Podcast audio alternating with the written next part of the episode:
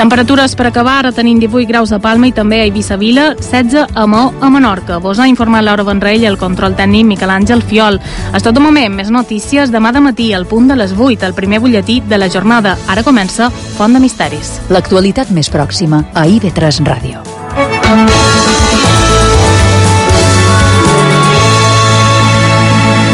IB3 Ràdio. La ràdio autonòmica de les Illes Balears.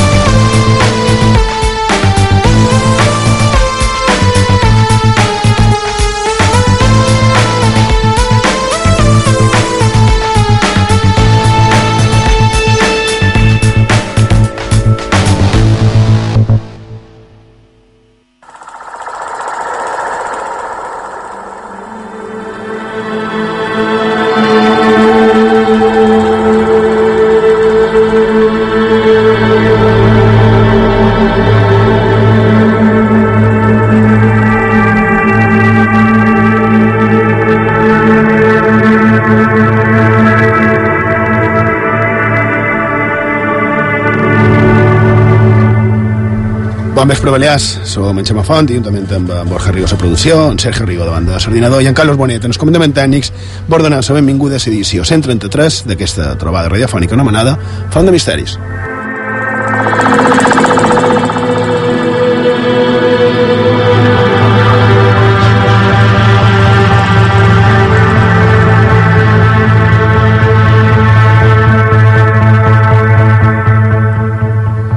Borja Rigo, bon vespre. Bon vespre. El Mallorca t'ha guanyat. Ha guanyat, ja. Tocava. Els companys d'esports, sí, ara sí. ho estàvem comentant en es, mentre na Laura feia el bolletí. Uh, ja tocava, efectivament, ja tocava, veurem si encara acabarà bé això. Uh, això, part positiva, després una part més neutra. Uh, en Cela aquesta setmana uh, hagués fet 100 anys, trob que s'ha fet poca cosa a les nostres illes, uh, damunt de que és centenari, crec que en Cela va ser una figura bastant important i, i a més me compromet a fer Borja, no, no sé si ho trobes un empremtes, eh? aquests capítols que feim de la nostra història dedicada a la Sí, figura a més, de... a més una figura que s'ha de recordar que va passar quasi una quarta part, o més d'una quarta part de la seva vida aquí a les nostres illes, per tant, i que va, no i que va deixar una i arrel que gran part de les seves obres van ser concebudes a les nostres illes. eh, i dins aquestes obres eh, i aquestes arrels podríem incloure-ho tot no? dins la nostra pròpia universitat també eh, tenim una, més que una mostra no?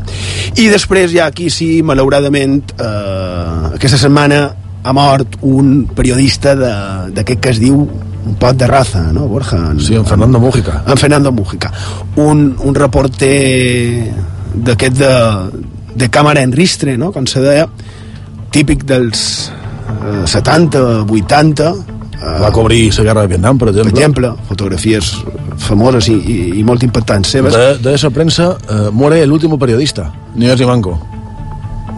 És que d'aquest tipus de periodisme realment eh, podem dir que queden pocs no? el, el món del periodisme efectivament ha canviat moltíssim no? però bé eh, la, la veritat és que Gran sí. company també s'ha dit, en don Juanjo Benítez. de Juanjo Benítez eren companys d'escola, no sé si ho Sí, sabies van no? en 5 anys. Sí, i varen estar... I cap dels dos volia fer-se periodista. Això també és molt curiós, no? Després, cap a on te, te du sa vida. Bé, que, que descansi en pau és, és una verdadera pena, queda la seva obra, principalment l'obra gràfica, que, que verdaderament és la història de, principalment de la segona meitat del segle XX. Sergio Rigo, bon vespre. Bon vespre, Xema. Com estàs? Molt bé. Tot bé? Sí, tot bé. Tenim tot preparat, tot a punt? Tot gest. I de, podria anar fent sumari, si vols. I d'avui a Font de Misteris xerram de desaparicions misterioses. Quins misteris hi ha al voltant d'aquest tema? Quins indicis es coneixen dels diferents casos que existeixen. A la darrera part del programa escoltarem un nou capítol de la nostra secció Empremtes de la nostra història, repassarem l'actualitat de la setmana molt diversos i llegirem algun dels missatges que ens han fet arribar als oients a les xarxes socials. Xarxes que han de dir que estan obertes, que estan preparades, està tot a punt, Efectivament, tenim les formes de contacte més prou obertes, ja ho sabeu, ens podeu enviar tot allò que vulgueu, tant a Facebook com a Twitter, cercant Font de Misteris. També teniu a la vostra disposició els WhatsApp del programa 659 16 69 52. Repetim, 659 16 69 52. Finalment, ens podeu enviar els vostres comentaris en el mail del programa fontdemisteris arroba iveterradio.com.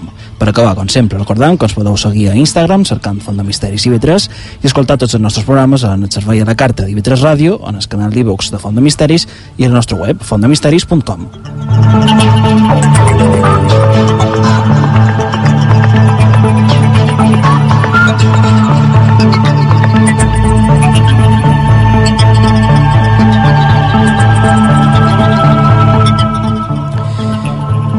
Bé, ho ha dit en, en Sergio, avui volem parlar de, de desaparicions. I sabem que és un tema delicat i per aquest motiu ho tractarem amb el major rigor i, i serietat. Tampoc fins compte centrar en casos de persones que, que hagin desaparegut recentment, perquè no és la nostra intenció, en, en, en el programa d'avui, fer un, un programa d'investigació no? damunt d'un tema tan terrible com és la desaparició de, de qualcú proper i més quan les causes probables que han ocasionat aquesta desaparició són del tot una incògnita no? quan, quan un no té ni idea de què pot haver passat ni, ni d'on pot estar eh, el nostre ser estimat no? així que la nostra intenció en el programa d'avui és cercar aquells casos més estranys, més curiosos, eh, enigmàtics, també anecdòtics i per què no, també inquietants que al llarg de, de la història han estat recollits principalment, com sempre, les nostres illes, però ja dic que no entrarem en els casos actuals i molt manco en els casos que la justícia té oberts. I repetim que som conscients de que una de les coses més terribles ha de ser incertesa que et provoca tenir un ésser estimat desaparegut.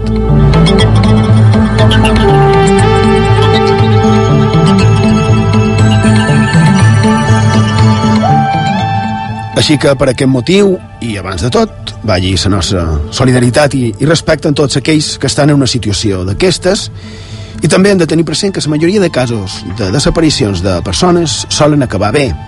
La majoria de casos, en el final, tenen una resolució positiva.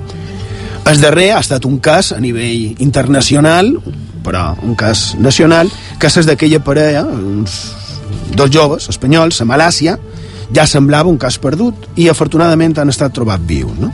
que també quina història més de novel·la no sé si la sabeu una ona fa trabucar el vaixell on anaven eh, se queden sense motor aconsegueixen anar amb un bot i se comencen a allunyar de la costa queden aïllats mig de la mà menjaven de peixos, peixos voladors que caien a dins la barca com a les pel·lícules es van fer una mena de canya de pescar amb un pal que trobaren surant i empleaven com a am una arracada de cel·lota.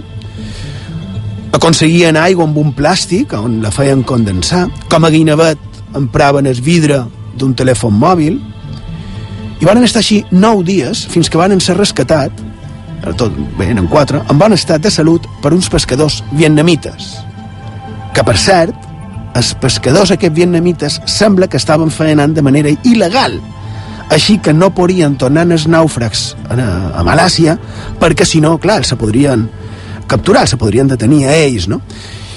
és del tot una història de pel·lícula però amb un final feliç no? així que ens alegrà, lògicament Diuen que estadísticament, estadísticament parlant, a l'estat espanyol, més del 95% de casos de desaparicions acaben en resolució positiva. I ja sabeu que en els que feim Font de Misteris ens agrada pensar sempre en positiu. Benvinguts.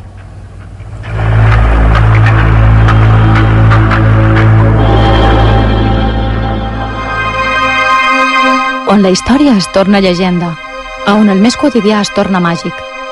Acompanya'ns a la nostra Font de Misteris a IB3 Ràdio.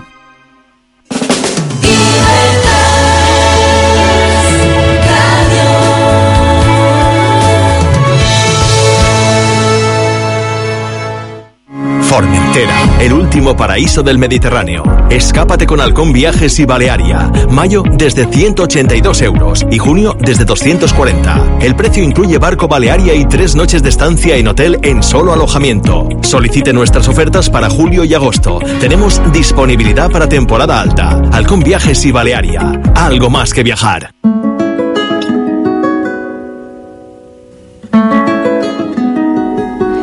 Es diu Kika Simó. És una de les flors en el desert d'aquesta setmana. Diuen que quan camina entre les xaboles de tòpsia els infants li diuen mama. És en honor de les nines i nins d'aquest barri de la Índia que el 2007 va crear l'ONG Los Niños de Tòpsia.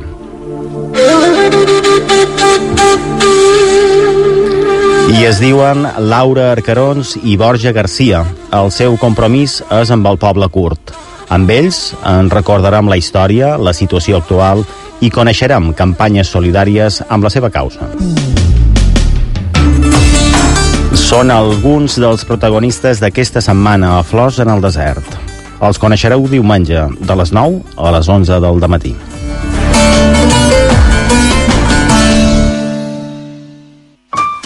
Maria, s'ha acabat ja. En temes sexuals han de ser clars i no mos han d'amagar. Eh? Ai, Joaquim, saps que n'hi ha desconeixements i no te pots fer una idea dels mites falsos que encara mos envolten. I de no pot ser, les coses s'han d'explicar i s'han de tractar. Han de dir adeu en aquest oscurantisme. No passis pena, tens solució. Perquè la sexualitat és una part important de la vida, la tractam de forma clara a No apaguis el llum. Els dissabtes a mitjanit a IB3 Ràdio, amb Maria Ribo i Joan Guillem Jaume. IB3 Ràdio, la ràdio autonòmica de les Illes Balears.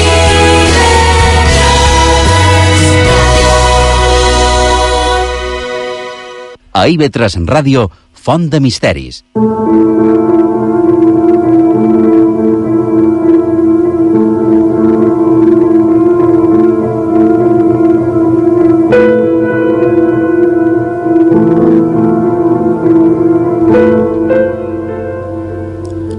Seguim a Font de Misteris, a la sintonia d'IV3 Ràdio, a Mallorca mos podeu escoltar a 106.8 de la freqüència modulada. I bé, ara mos heu demanat, durant aquesta pausa per sa Publi, eh, que on se varen entregar en, en aquest dos espanyols, no? i els altres dos eren quatre en total, perquè clar, si sí, aquells vietnamites no els, els volien entregar i de varen estar de més 8 hores, segons posa la premsa, varen estar de més 8 hores negociant per veure a on, a on i com i de quina manera els se podien entregar. I és molt curiós la vivència que varen tenir aquests joves en, amb aquests eh, pescadors que els se varen rescatar. Però en el final, que és el que anem, el missatge és que la història, afortunadament, va acabar bé. En qualsevol cas, que avui farem un compendi de situacions en les que ha hagut desaparicions més o manco curioses i sí que és cert que aviat tenim previst fer altres en procés d'investigació no?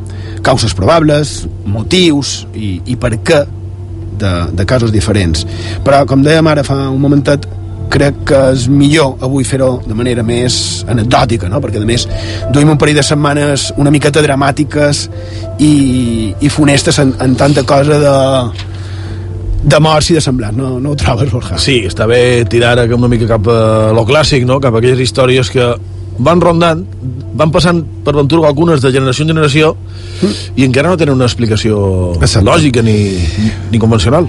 I, I tens raó, però encara així sempre hi ha una part de dramatisme, clar, perquè a més això és molt seriós, evidentment, perquè eh, encara que per la gent, per gairebé tothom, no, eh, no sigui més que un cas eh, sortit a la premsa, sempre que ens toca de d'en fora, o sigui, quan no ens toca de prop, és això, un cas sortit a la premsa i res més. Però a la família, la família que, que està implicada, maleïda la gràcia que li pot fer, no? Posarem un exemple de, de desgràcies. No, un no, posarem dos d'exemples.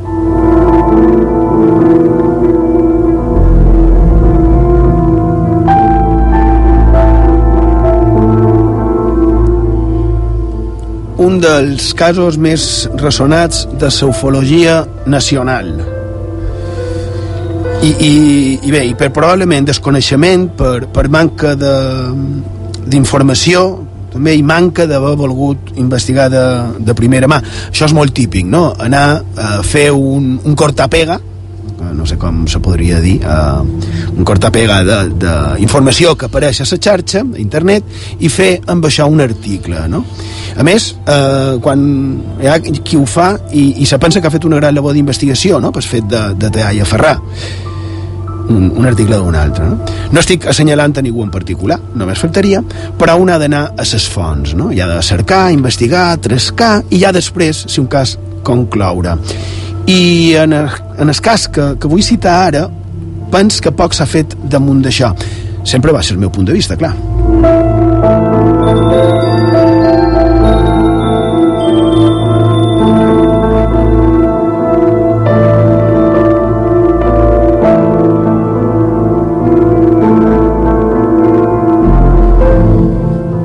Estic parlant del cas Banyuls. Eh? Així se li coneix en el món de la ufologia. Ufologia és eh, allò relacionat amb el tema dels ovnis. Eh? UFO vol dir eh, objecte volador no identificat, en, són les sigles en anglès. I és perquè en el cas de Don Miguel Banyuls Femenia hi ha una relació directa amb allò més estrany, amb aparicions de, de llums i de situacions totalment anòmales. Vivències que semblen de pel·lícula, no? I, i com si fossin tretes de, de testimonis, no ho sé, de, dels Estats Units, de, de Rússia, o, o trets de, de documentals aquests estranys, que més ara en les plataformes digitals se veuen més. En qualsevol cas, sembla com si fossin testimonis trets d'indrets llunyans, llunyans. Però no, no estem parlant d'un succés d'en fora, estem parlant d'aquí, de les nostres illes i de fa només un pocs anys.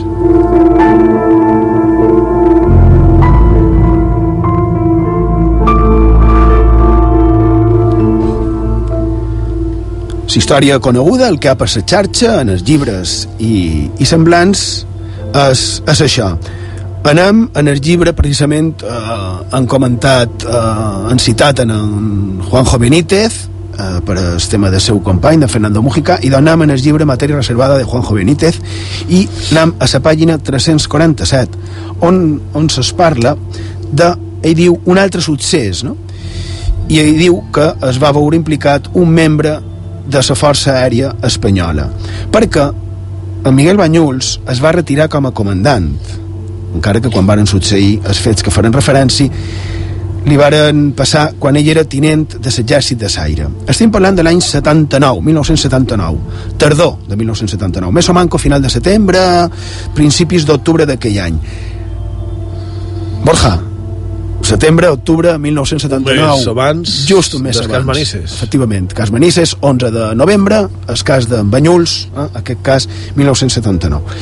Um, el testimoni, recollit per en Benítez, en paraules directes del senyor Banyuls, me consta que és així, era que ell, el senyor Banyuls, reconeixia que havia estat, amb anterioritat en aquest fet, eh, testigo d'algunes coses rares. Això mentre era membre de l'exèrcit de Saire en la seva base en Espull Major, a la base de radars, coneguda com EVA 7. EVA vol dir Esquadrón de Vigilància Aèria i els números, etc.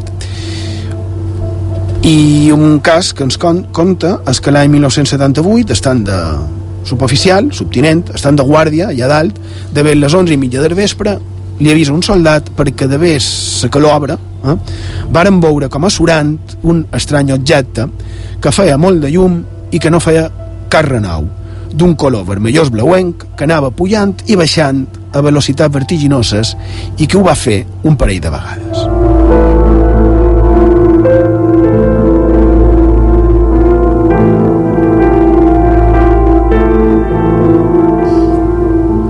Aquí jo vull afegir que el més fort d'això és que no és l'únic cas que he sentit d'observances semblants pels militars del radar d'Espull Major. Atenció amb això.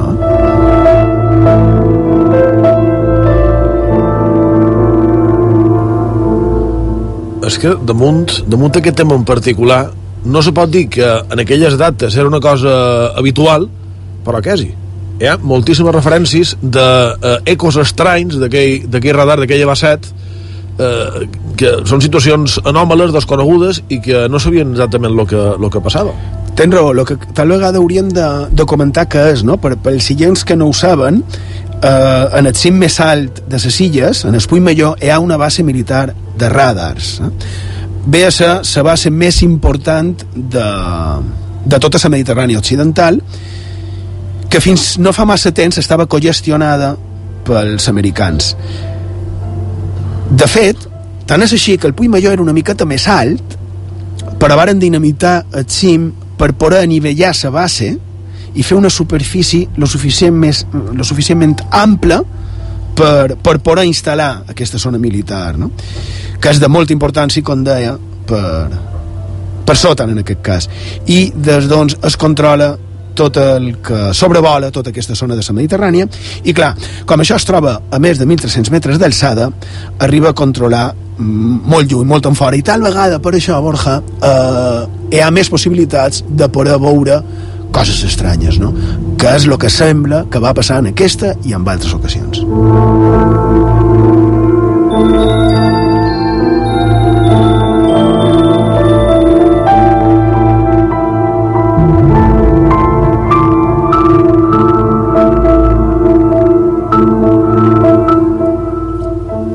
Aquest fet d'aquella lluminària que surava i pujava i, i baixava, deia el senyor Benyuls que, aun siendo importante, no tiene punto de comparación con lo ocurrido en 1979. I aquí, evidentment, i lògicament, se pregunta és què és el que li va passar l'any 1979 que no té comparació en llums desconeguts vists a una base militar nord-americana a les Illes Balears.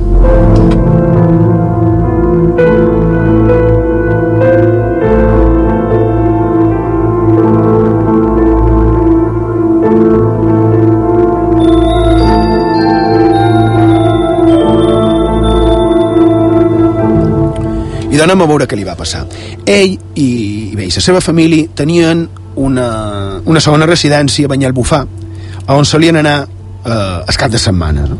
Així que, com era habitual, anaren amb el seu cotxe, un utilitari, un Ford Festa, model 1100, i anaven per la carretera de Banyalbufar.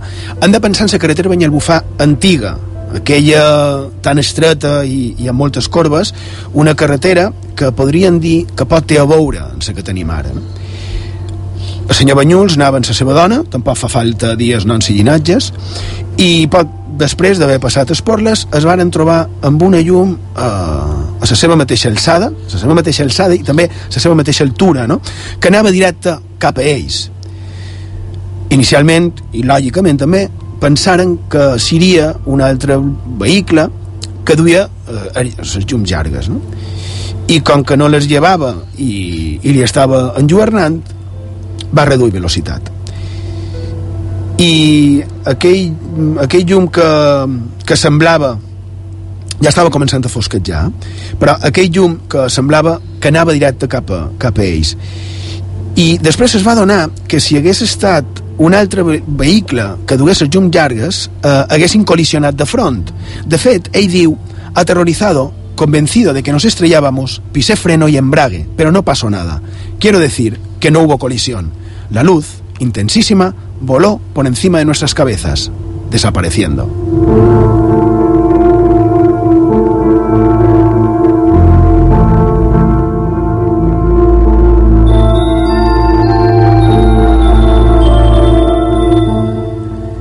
Ell tenia clar que no era cap vehicle.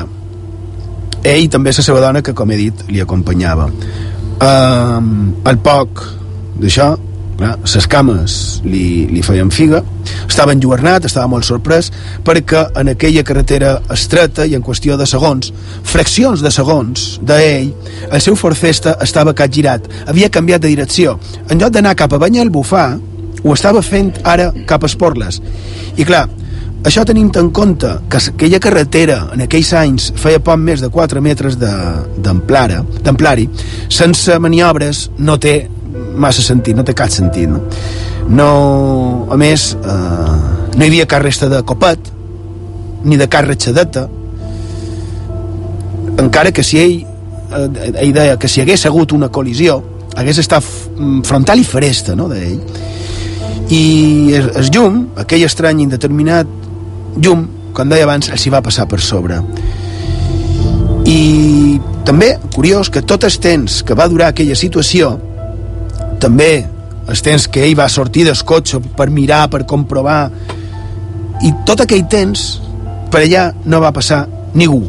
Tot silenci i quietud. I d'aquell llum res, cap resta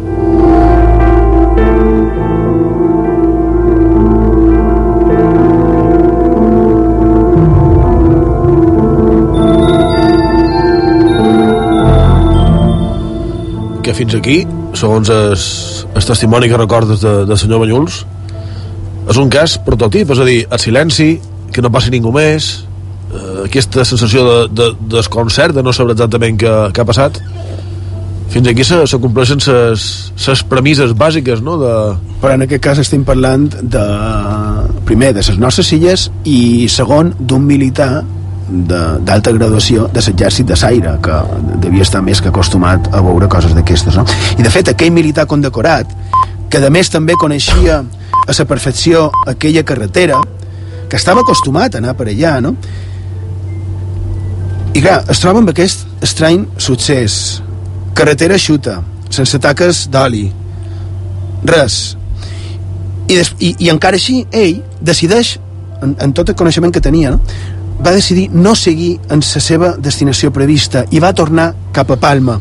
I diu ell, afegeix, textual, no voy a mentir, estábamos nerviosos y asustados. A mi mujer se le saltaron las lágrimas y se ajustó el cinturón de seguridad, cosa que nunca hacía. No intercambiamos una sola palabra. Estaba tan excitado que el Ford se me caló dos veces y a eso de las siete y media u ocho menos cuarto entramos en Palma. Y una vez en casa me esforcé por resolver el misterio. Sinceramente, no fui capaz. Y en todos estos años, aquel suceso ha estado siempre presente en nuestra memoria, pero jamás pude hallar una explicación razonable.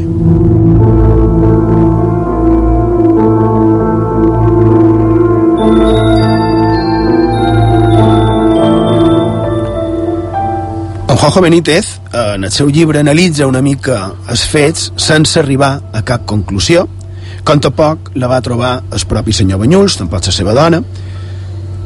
Tampoc van trobar explicació per què el seu cotxe se va aturar, és a dir, per què el motor no estava engegat quan ells mm, varen atravessar, quan el llum, millor dit, els hi va passar per sobre, perquè ell tenia claríssim, per això ha dit abans que les cames li feien figa, que ell havia pitjat el, el freno i, i s'embrague a la vegada per tant el cotxe no tenia per què caler-se ni tampoc perquè un cotxe nou perquè era un cotxe molt nou que tenia manco de 2.000 quilòmetres i de, per què va començar arrel d'aquell succés a tenir problemes mecànics ni per què van haver de canviar-li la bateria que això també, veus, Borja, això darrer també és una circumstància un altre que, patró, sí. sí. que es repeteix no? en, en circumstàncies semblants en aquest succés.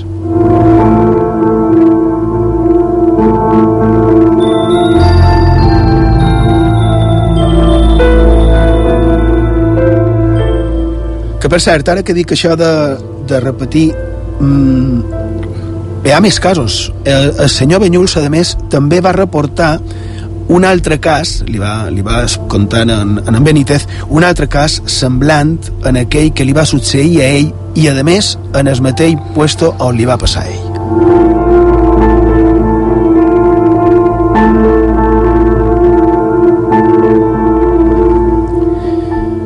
Teniu coneixement de qualque cas que tingui semblants característiques per les nostres illes?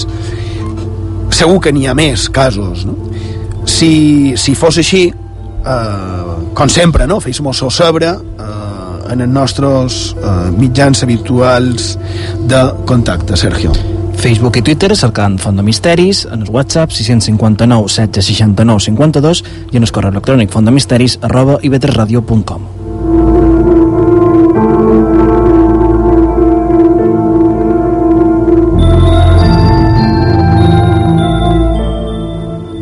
i de dir tot el que han dit i que en si mateix mm, és de vertera transcendència, clar, és lògic, perquè no hem de deixar de banda que verdaderament va ser un testimoni molt important dins aquest món dels suposats contactes amb el, amb el més enllà no?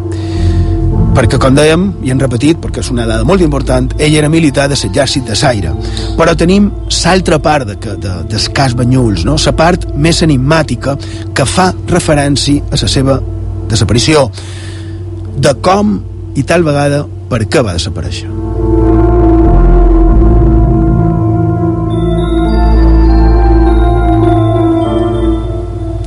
Aquest llibre, eh, matèria reservada, en el que hem fet referència, és de l'any 1993 i, i cita el cas de senyor Banyuls com a un cas com a molt important, no? com a molt significatiu.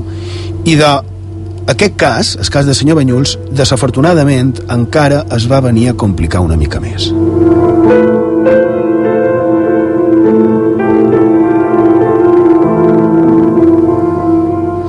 Octubre de 1995, dos anys després d'haver-se publicat el llibre amb el que he contat moltes de les dades d'aquesta història, i de dos anys després de la seva publicació, la premsa local, la d'aquí, es feia ressò a la seva secció de successos d'una notícia on, par on ens parlen del de principal protagonista d'aquesta història. El per aquell moments ja exmilitar, condecorat, eh? Uh, tenia categoria o rang de comandant de l'exèrcit de Saire, també va ser paracaigudista, que ja era, com he dit, retirat. Don Miguel Banyuls femenia. I per què va ser notícia? I deu va ser perquè aquest senyor que va ser testimoni directe d'allò més desconegut, aquell home que en un parell d'ocasions va viure fets estranys relacionats amb llums estranyes, no? que feien moviments impossibles, i d'aquell protagonista i testimoni directe va desaparèixer, podríem dir, d'una manera misteriosa i sense explicació. De fet, la seva desaparició ha estat motiu d'encara més publicacions i de teories d'allò més variades, no? Així que, si vos sembla, anem a comentar una mica.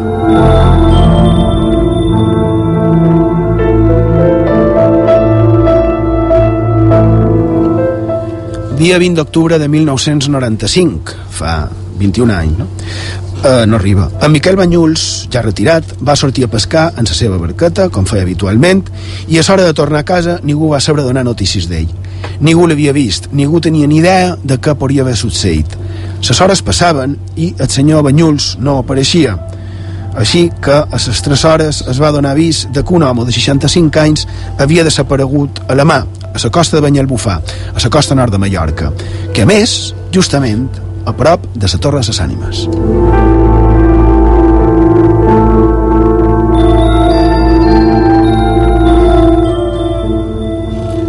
Posen en marxa servei de rescat, també el veïnat del poble. Era un home conegut, un home estimat, és un poble petit. Passen les hores, no es troba res. Només en el dia següent es varen trobar la barca, en mal estat, i també un parell d'objectes personals del desaparegut. Crec que se va trobar la gorra, crec que també pot ser unes sabates i no sé si res més. He llegit que també és la seva documentació, però jo això darrer no ho tenc comprovat. Es posa en marxa el dispositiu lògic de salvament, coordinat pel Centre Regional de Coordinació de, de Salvament, també amb un avió del Servei Aeri de Rescat, el, el famós SAR, una patrullera de l'Armada Espanyola, la, la coneguda com a ANAGA, també el vaixell de salvament marítim, el Castell de Baibà, a més també de la Guàrdia Civil, tant terrestre com d'activitats subaquàtiques, a més també de protecció civil i, com ja he dit, també els veïnats. La barca i altres restes aparegueren el dia següent a la zona de la torre, però del senyor Banyuls res de res. Les labors de rescat duraren un grapat de dies, però res, no el varen trobar.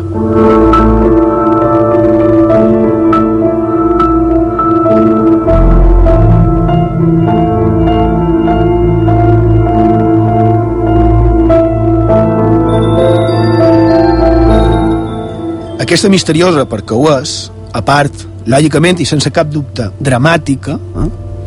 I d'aquesta desaparició va fer especular i tractar de fer-li o de donar-li un caire paranormal, no? Fins i tot se va relacionar amb els fets anteriors, és a dir, l'albirament de llums, no? Haver estat testimoni directe de fets relacionats, per què no dir-ho, amb el fenomen OVNI.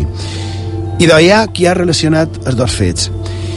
I en aquest cas, evidentment, no som ningú, els que feim Font de Misteris, per molt que ens agradin aquests fenòmens, però no som ningú per opinar damunt d'això i molt manco sense proves, no? I encara menys sense l'autorització directa dels familiars. Per això, a part d'exposar les dades, sí que vull dir que no tot té per què tenir motius estranys. No?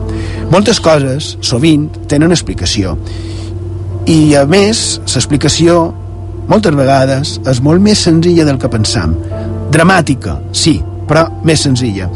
I, com deia a Miquel del Sant Soliver, en les, seus, en les seves aventures d'un mallorquí, deia, la mà, que és més fluixa que un paper, la mà que fa forat i tapa.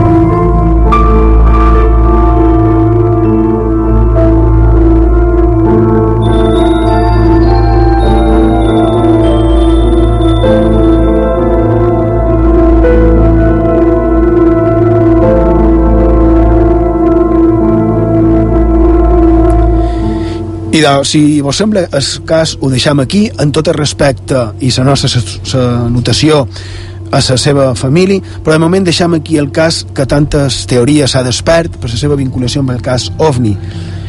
Perquè, clar, si no hagués estat per això, molt probablement hagués quedat com un cas més d'un pescador desaparegut a les nostres costes, no? Un altre cas, com tants, que de fet, no? Uh, la llegenda de la dama blanca, de la dama de blanc, de la torre de les ànimes, allà mateix. Pensem que les restes de la barca, els seus objectes personals se van trobar just avall de la torre de les ànimes. I de precisament aquesta llegenda ens, constaria, ens contaria la llegenda d'un pescador que va sortir i mai no hi va tornar. El que deia, deixam el cas obert. La veritat, i ho dic de cor, qualque dia m'agradaria contar-ho tot.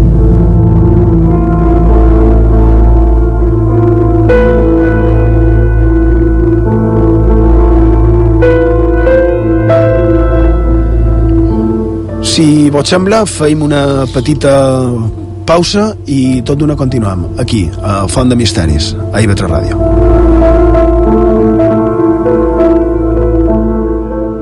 Font de Misteris, amb Xema Font. IB3 Ràdio, la ràdio autonòmica de les Illes Balears.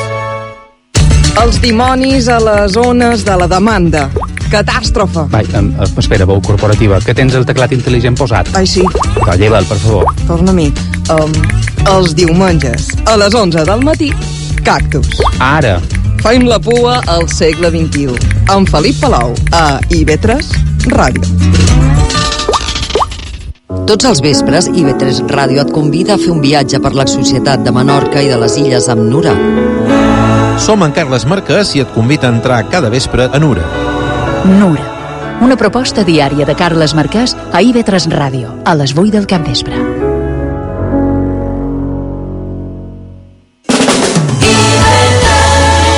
IB3 Ràdio. La ràdio autonòmica de les Illes Balears. Font de Misteris, amb Xema Font.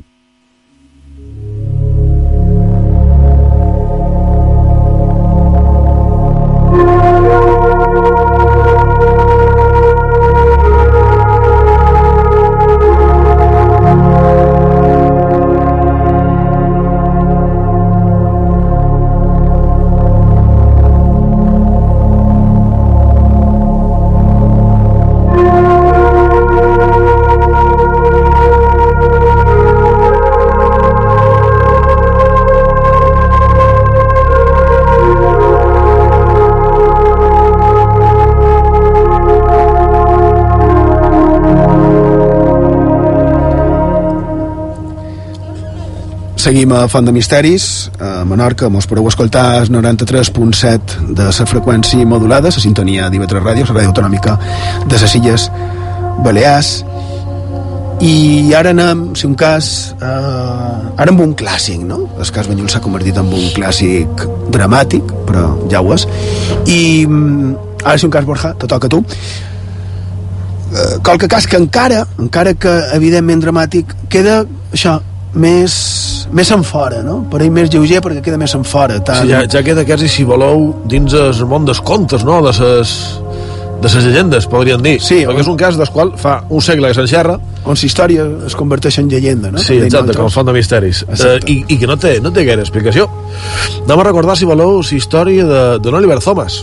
Una història que mos du fins a la nit de Nadal, 24 de desembre de 1909, a Brecon, Gales, a- en el Regne Unit. Imagineu, tot està llest per la celebració, per una de les celebracions més importants de, de l'any. La família de, de l'Oliver Thomas havia fet feina tot el dia per mirar d'aconseguir que aquella ballada fos eh, tan màgica com perfecta, no? I ningú, evidentment, absolutament ningú, podia tan sols intuir el que acabaria succeint. Les hores passen i el sopar se desenvolupa de la millor de les maneres. A més, eh, de la família Thomas, aquell grup de 15 persones, les que sopaven, estava conformat per personalitats conegudes dins del poble, el manescal, el comissari, etc etc.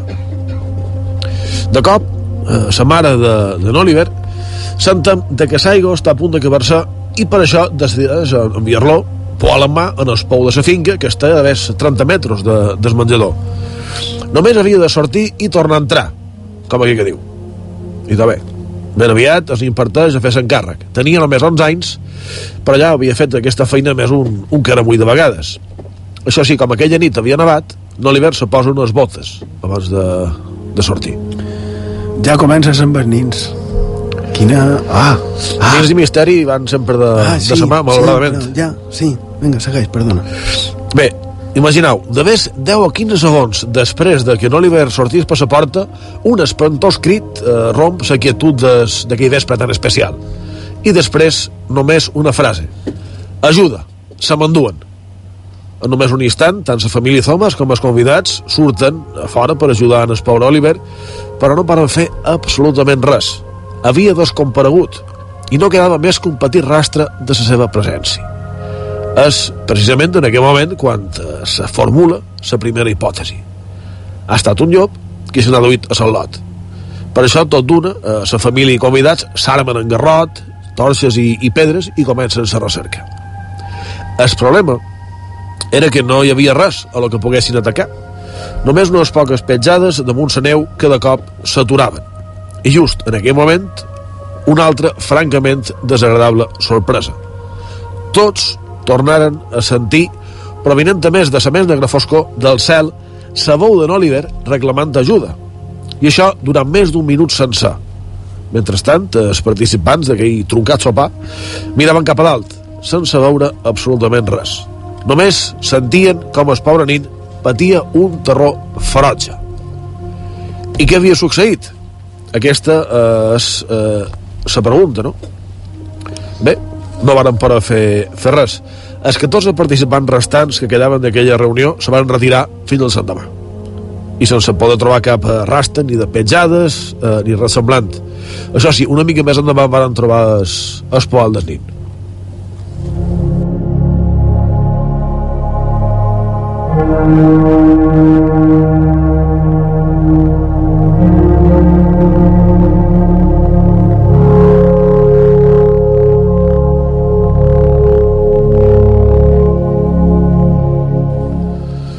Bé, el matí següent, dia de Nadal, un Nadal trist, com podeu imaginar.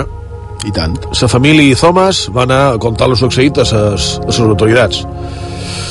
Intentant trobar qualque indici davant de- d'aquesta desgràcia, tot d'una i de comença l'investigació, encara que sigui de festa, no, no és l'important. Se va trascar a fons pel voltant de sa casa i fins i tot se va eh, davallar en el pou, pensant que lot podria haver caigut i, i no, l'Oliver no era. I clar, a falta d'indicis de cap casta, se comencen a formular altres hipòtesis, que per cert, si m'ho pareu, si m'ho permeteu dir-ho, a cada qual més, més peregrina.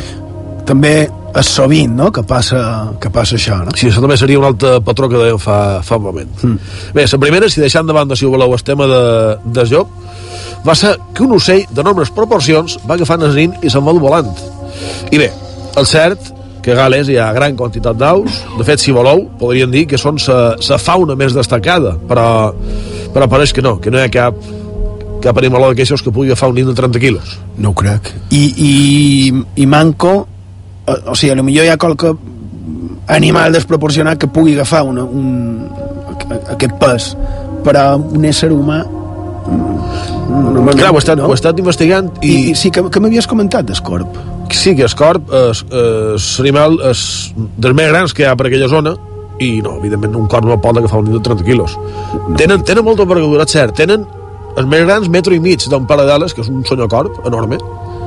Sí, són, són grandíssims, realment són molt grans però no poden agafar un nin vull pensar. M'has deixat com a molt sorprès ara. La veritat és que m'has deixat. Sí, no, a mi m'ha sorprendre bastant. Uh, ho mirarem ho, per tant, ho confirmarem. una altra, una altra hipòtesi sí, cerca, cerca. Que també a més és és mala de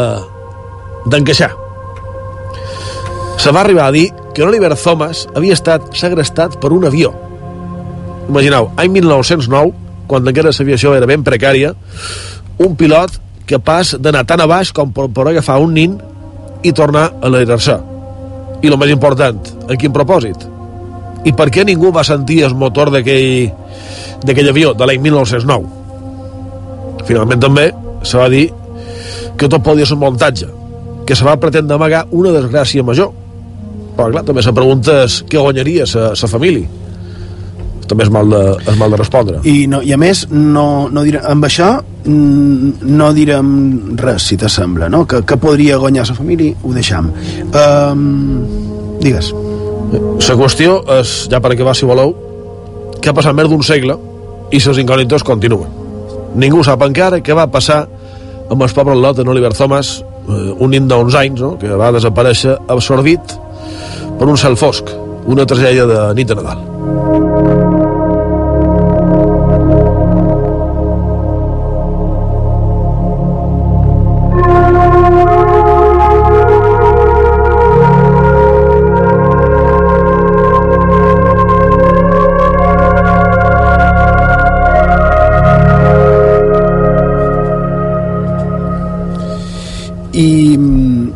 i és que, clar, com en aquest cas que ens ha contat en, en Borja, tenim multitud de, de casos on l'explicació, la hipòtesi, no, la suposada explicació, perquè, evidentment, com hem comentat ara, no, no vol dir que sigui la causa certa, clar, però que es diria que el motiu de la suposada desaparició seria la intervenció de, de bèsties, no? de bèsties de, de qualsevol tipus. Uh, has trobat la d'Escorp? Sí, ho estic cercant per aquí, ah, i està aquí, sí, sí. Sí? Sí. Veure? Veus aquí? Bé, és, és, és, la veritat és que és descomunal, no? Són senyors corps. Són senyors corps, sí senyor, sí senyor. Um, bé. Bé, aquí al Manco uh, no és freqüent, no?, tenir aquí a les nostres illes aquest tipus de, de bèsties, no? Encara que l'imaginari i el ferro indogístic ens, ens la posen damunt la taula. Com, per exemple, el cas d'en Nicolau, eh? aquell nin artenenc que va desaparèixer, aquell nin que es va transformar en mig peix, no? Uh, un nin, com ha dit en, en Borja, que sempre tenen tanta relació amb el món del misteri. I aquest nin, que estava transformat en mig peix, va ajudar a l'elaboració de les cartes de navegar, és a dir, a fer mapes de les nostres costes. Cartes de marear, que deien en aquell, uh, sí, en aquell moment. Exacte. Bé, sí, si el poguéssim ubicar en el temps, a lo millor sí. I aquesta llegenda, o aquesta contarella, és molt antiga, no? Tant és així que surt eh, en el volum 24 les rondalles d'en Alcobé i es repeteix de manera molt semblant a altres també indret del món això d'un lot que es converteix en, en mig peix. El cas és que en Nicolau, aquest lotet artenenc, un dia es va voler ficar dins aigua a sa luet, que està entre son serra de Marina i sa canoa d'Artà, a la badia d'Alcúdia, a Mallorca, i va desaparèixer.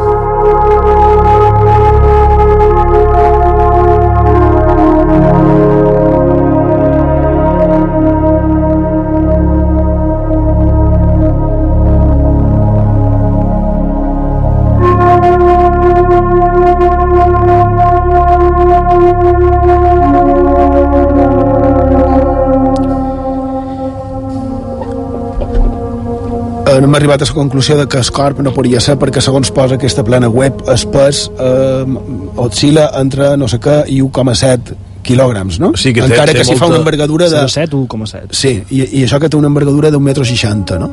Que és una barbaritat en corp, sí. Bé, anem a, a Saluat, que a uh, Saluat, uh, tornem a les nostres illes, és un punt determinat a la a la nostra costa, no? Bé, n'hi ha un parell d'indrets amb aquest mateix nom, Andrats, per exemple, que, que també ha donat nom a, a un torrent, a Can Facer, que sembla que també que hi ha un altre torrent, és de a Serenada de Llumalló, aquell que acaba en el club nàutic, que si no vaig errat és el que fa la partició dels municipis de, de Palma en Llumalló, i de, aquest torrent també se diu Saluat, perquè Saluat, segons el diccionari català valencià balear, a part de, de la part toponímica que també surt, i de, Saluat és una remor confús i persistent, no? que clar, a la costa, a la desembocadura d'un torrent, es pot produir en, amb major facilitat, no?, aquest renou. Per tot això, eh, bé, estava dient lo del nin el lot, mig peix, no?, que va desaparèixer. I de, que, mm, un pot pensar que va ser, en cas de que hi hagués qualque part de veracitat en aquesta història, i de, que va ser perquè ja la mà estava moguda no? i, i, i s'hagués pogut ofegar. Podria ser. Però, però, Nalcové ja ens diu que va sortir textual. Al cap de tres dies, allà mateix on s'era enfonyat, varen brollar-hi una glopada de sang. Era que el peix Nicolau havia finit. I això voldria dir que no era per mort d'ofegament, sinó més bé que qualque bèstia l'hagués fet desaparèixer.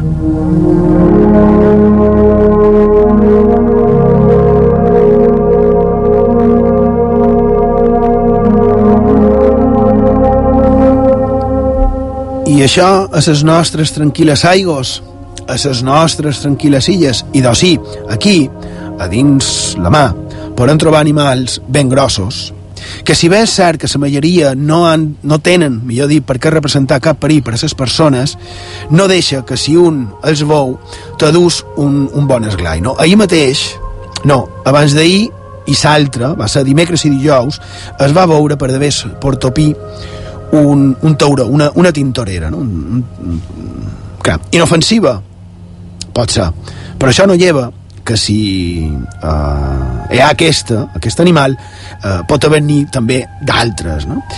I també, si ho pensam, sempre és millor creure que el perill ho pot representar un animal que no segons quina altra cosa, no? No ho sé, dit jo.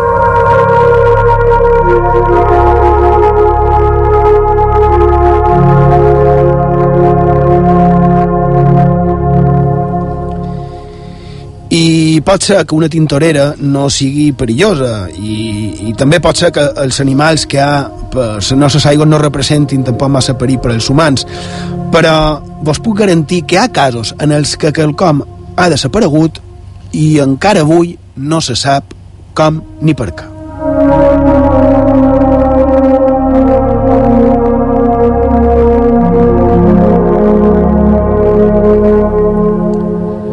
Per cert, eh, ara la redacció, mentre estàvem esperant, eh, bé, estàvem els diaris digitals, i posa que avui mateix ha mort, no?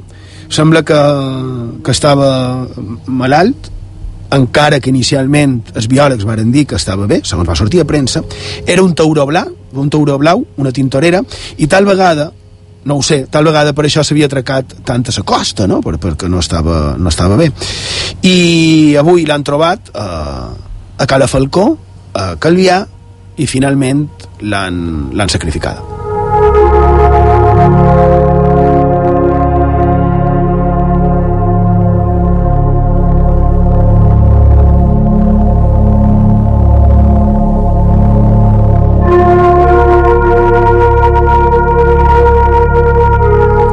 Anem en el que dèiem. Casos de gent que ha desaparegut i encara no sabem si ha estat o no una bèstia que, que ho ha produït, no? Ara faig referència a la misteriosa desaparició del capità Garau, a Aigos de Cabrera, principis del segle XX.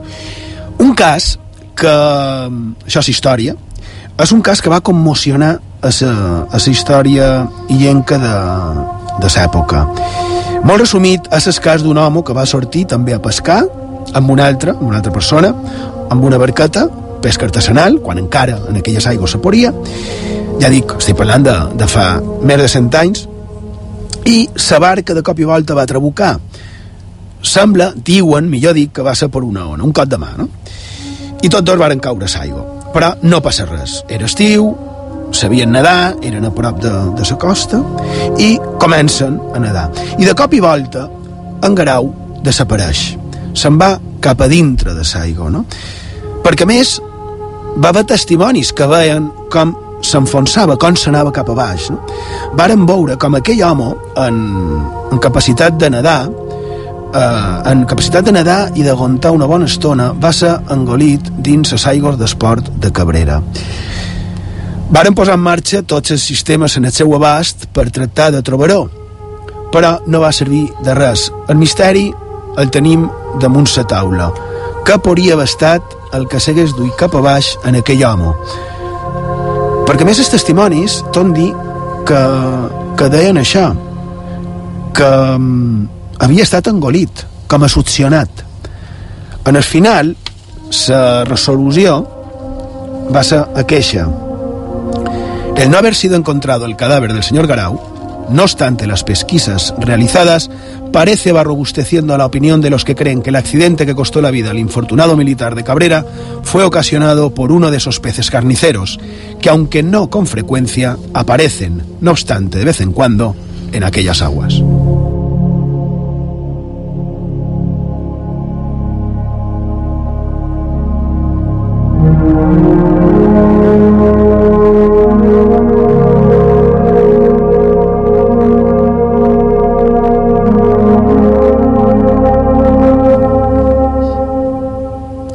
A més, aquest senyor que era Cabrera, afegiré que havia estat abans, estic parlant de principis de segle, l'any 98 eh, havia estat eh, la pèrdua de les darreres colònies que tenia Espanya. Vull dir que era, era un, un... Se sabia manejar.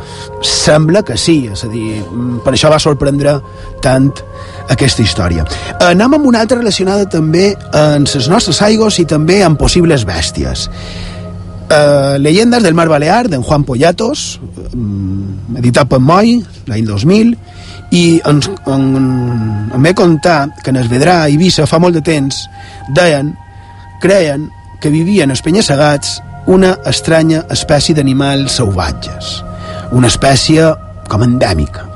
Bèsties immenses que els mariners que s'atracaven cap a Esvedrà juraven que aquestes bèsties caminaven en dues potes ben palplantats, d'en peus, no?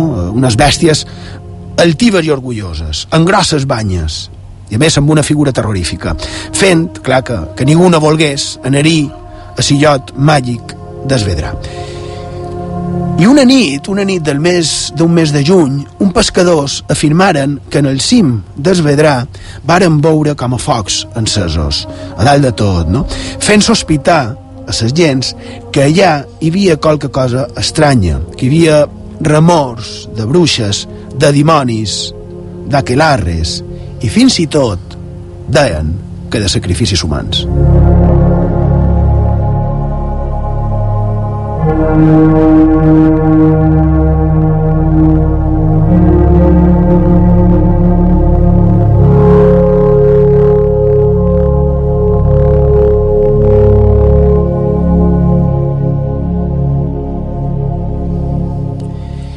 I per si no fos suficient, la nit de Sant Joan d'aquell any va desaparèixer una lota.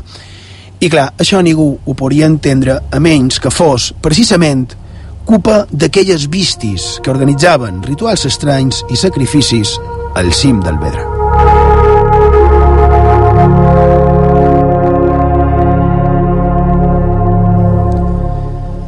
Ja se sap, la força de la massa, el poble sencer, centenars de persones, tots a una, amb barques, bots, lleuts i bous, armats, amb el que tenien més a mà, i tots se'n van plegats cap a Sillot.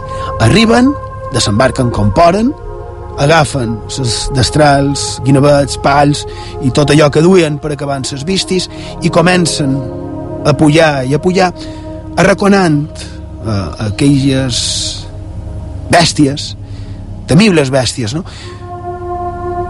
Però ningú cercava a la jove desapareguda, perquè, clar, primer havien d'acabar amb aquells animals, amb aquells monstres, amb aquelles bèsties. I així ho feren.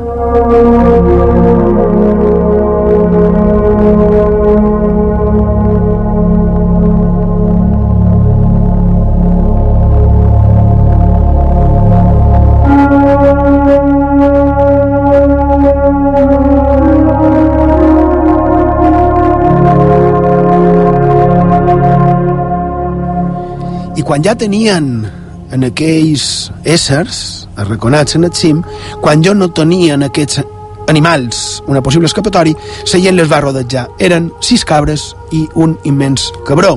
En, a, en, en el qual, en el cabró, en Pollatos, el descriu així. La bestia enorme y negra, erguida, parecía sonreír ante aquellos humanos. Solo el macho parecía peligroso. Clar, en aquell moment, tensió, fins que la llentada ja reunida va atacar com un sol home en aquella gegantina bèstia negra de colossals banyes que quan es va veure perduda es va llançar cap a l'abisme i a la vegada que diu que se li podria endevinar un somriure maliciós no? fins a acabar per desaparèixer en el fons de la mà.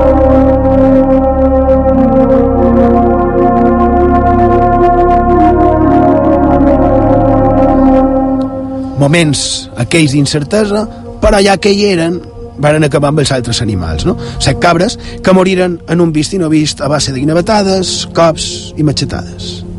Després, silenci.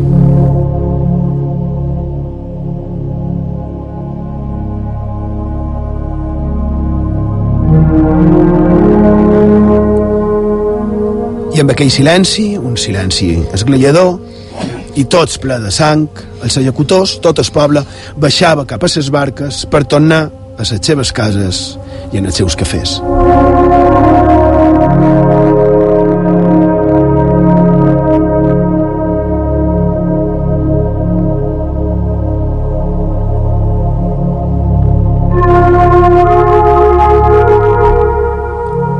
Todos rezaron durante la corta noche de San Juan, Ninguno abrió las ventanas o las puertas, nadie miró aquella noche el cielo de la luna azul.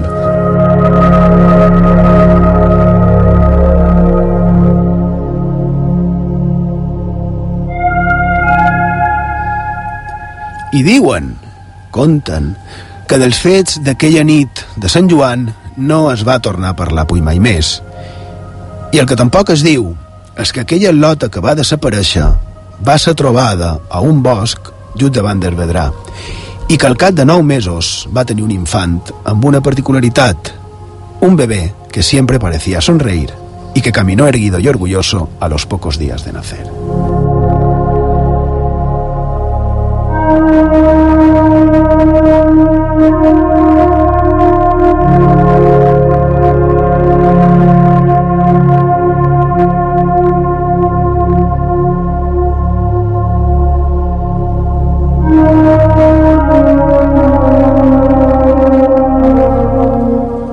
Anem, anem amb, amb un altre que tenim un, un grapat. Um, anem amb un fet curiós de desaparicions inexplicables, clar. Uh, grups de gent, de gent preparada, eh? hem vist un parell de casos avui, i en situacions en la que no seria normal no? aquest, aquest fer bé, tampoc és que siguin normals cap dels que hem dit, però bé, per on començar, Sergio?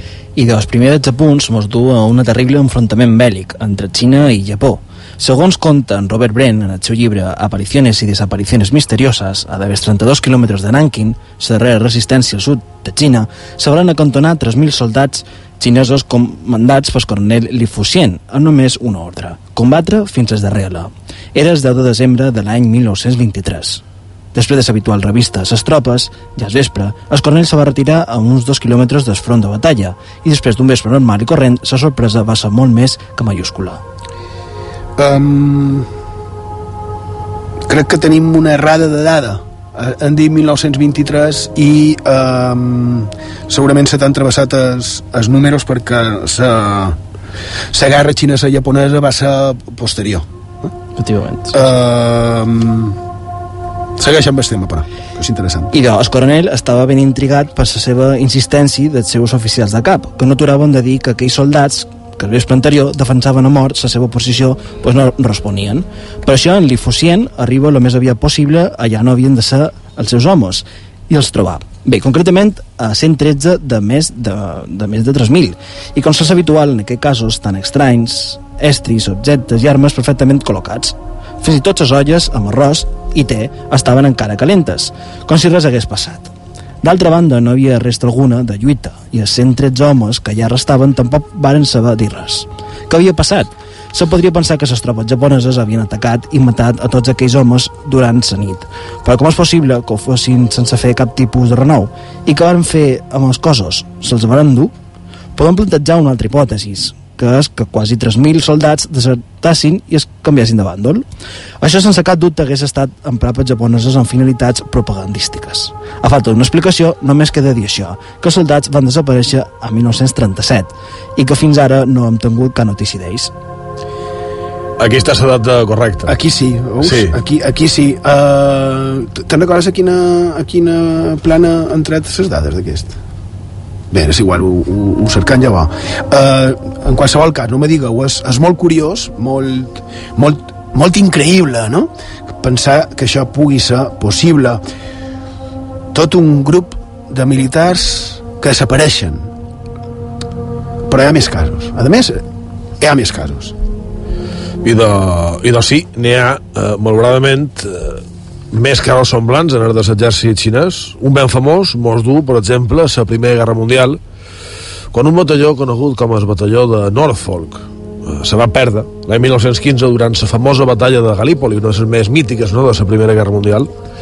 Imagineu, segons un testimoni, eh, que he fet un testimoni que va ser molt posterior, era el batalló Quanz de Nova Zelanda i Austràlia, un grup de més de 250 homes se van ficar dins un nigul que estava molt baix eh, a un torrent i mai més se va saber res d'ells.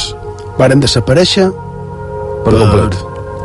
I mai que, més. aquell nigul va començar a l'era a poc a poc i se suposa que el seu soldat a dins.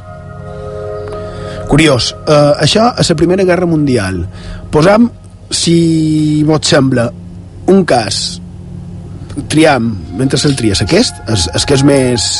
Un de més antic. Sí, Sí. aquest, i, i després tornem a la modernitat, si t'assembla. Uh, ho has trobat, en això? És que tenim un caramull de llibres per aquí damunt, com sempre, i tenim els que han tret això. Uh, no, la la dada està ben posada, idò. Sí.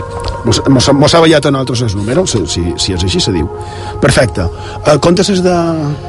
Si vols... I doncs sí, ara un altre, eh, certament espectacular, si voleu, i que més mos du molt enrere temps, quan no hi havia cap màquina, suposam, que podria, que podria volar, per donar una, una dada interessant. Any 525 abans de Crist. Resulta que el rei persa, en canvi set segon, havia enviat en el seu exèrcit més de 50.000 soldats, els seus camells, cavalls, altres bèsties, comerciants, esclaus eh, i prostitutes i servents, un pot de tot, a travessar el desert del Sàhara per arribar en el més famós dels oracles que hi havia en aquella zona, que era el de l'oasis de, de Sigua. I de, segons pareix, durant una tempesta d'arena, el manco és el que oficialment se diu, aquesta enorme quantitat de persones, recordem, 50.000 només els soldats, han de comptar un parell més de milers de, d'acompanyants, van desaparèixer per sempre. El manco fins ara. Més de 50.000 persones de dins una tempesta d'arena i cap resta va quedar que hem pogut trobar milers d'anys després. Crec que no fa molt. Pensaven que havien trobat... Havien trobat qualque indici, deien. Sí. Però tampoc ha quedat, ha quedat una mica a l'aire. Sí. Sí. I... I ara anem amb un cas Més semblant, proper. més Més proper, proper, més, sí. més... Un altre exemple, eh, que no és tan dramàtic per Ventura, però sí que és ben interessant, mos du, com no, a un dels pobles maleïts per excel·lència de- d'Espanya. De, tindríem la Musara, tindríem Belchite i tindríem, per exemple, Ochate. Any 1987... Que, si m'ho permets, no són comparables entre si, eh? No, no en absolut. Totes en les seves històries diferents i, i diferents I- també en els temps. No tenen res a I veure. s'ha de, Be- s'ha de Belchite, eh, tràgica i, i això, o sigui que aquesta sí que ev- evitable, com deia en, en Cela, precisament, que s'ha complit 100 anys, en Cela deia que, que era evitable aquella guerra, no? Digues, perdó. Ja no ronda Zagales, no? Deien per... A Belchite? A Belchite, Belchite el viejo. Any 1987, poble eh, en runes, poble maleït del Chate, en el comtat de, de Treviño, soldats de l'exèrcit eh, destinats eh, a Àlava fan unes maniobres militars, aprofiten el terreny que està bastant buit per fer-les, un bon puesto, eh, i de cop, durant aquestes maniobres, se veuen dins un, una espècie de boira molt, molt densa, més densa que mai, de fet és tan espessa que perden tot contacte eh, visual amb amb sos companys i fins i tot perden la connexió per ràdio Uh, fins aquí una boira que aglapeix un grup de persones, desapareixen, ningú sap on és, a diferència de, de la batalla de, de Galípoli, uh, aquí al final va ser diferent, afortunadament. No? Sí, va ser una mica diferent eh, aquell escenari no? de la Porta del Frío, que deien, no? el xate, Bogat, en Mosquera, i de bé, després de 3 hores eh, ningú, sigui, d'ells però acaben, acaben compareixent. La boira s'escampa i ells tornen eh, però no van tornar molt bé, que diguéssim. Estan una mica, una mica estorats tampoc havia, sabien ells on havien estat ni què havia passat i què era aquella boira? Seria la pregunta. Jo la veritat és que d'aquest cas mmm, no he trobat cap prova que que me dongui una certesa total i absoluta, però pas és que un s'ha de creure, és com la desaparició d'Espàrroc, de, de Antonio Villegas, uh, 1800, 1868, que també diuen que va desaparèixer. Clar, aquest, en aquest cas és més difícil de comprovar si és cert o no que aquest senyor de 1868 a la ruralia alabesa va, va desaparèixer en el cas, o no. En el cas concret de, de Però, per exemple, perdona, en Garau, eh, que és un cas que crec que ni deu estar per, per internet, mm, és un cas real que figura, he trascat en els arxius i, i, i l'he vist i, i, i el que sé d'aquest cas és cert per aquest motiu en aquest cas és més complicat no? és més complicat però un pensa que ja que està involucrat l'exèrcit mala propaganda seria per ells bé, però és que potser no ha estat el propi exèrcit que ho ha tret clar, però tampoc ha dit res en contra, que recordi. Bé, però normalment amb aquestes coses ja. solen callar o solen desinformar, no? Ja, sí. No. Desinformar que lo queda, no? Uh, algo així. Uh, bé, i ja que ja que tenim aquí damunt, que, que més, ho, ho hem dit perquè hem comprovat una dada, uh, ja que estem amb el llibre d'en Brent, d'en Robert Brent, titulat Apariciones y desapariciones misteriosas, uh, podries contar, Sergio, l'altre que tenim de, de la despoal. I de ser una altra història que recull en Robert Brent és també curiosa i recorda una mica que contava en Borja. Tornant cap als Estats Units, concretament cap a Quincy, Illinois, era el mes de novembre de l'any 1878, quan Charles Ashmore, de 16 anys, sortia de casa seva amb un poel a la mà, disposat a omplir-lo d'aigua. Son pare i sa germana, passada una bona estona, se van començar a preocupar, ja que en Charles no tornava. Així que varen decidir sortir a cercar-lo, ben provistos de llum. Aquella hora baixa havia nevat i les petjades se marcaven amb força a la terra. De fet, les empremtes d'en Charles encara eren ben visibles, però de manera imprevista, aquestes petjades s'aturaven de cop abans d'arribar a Nespou.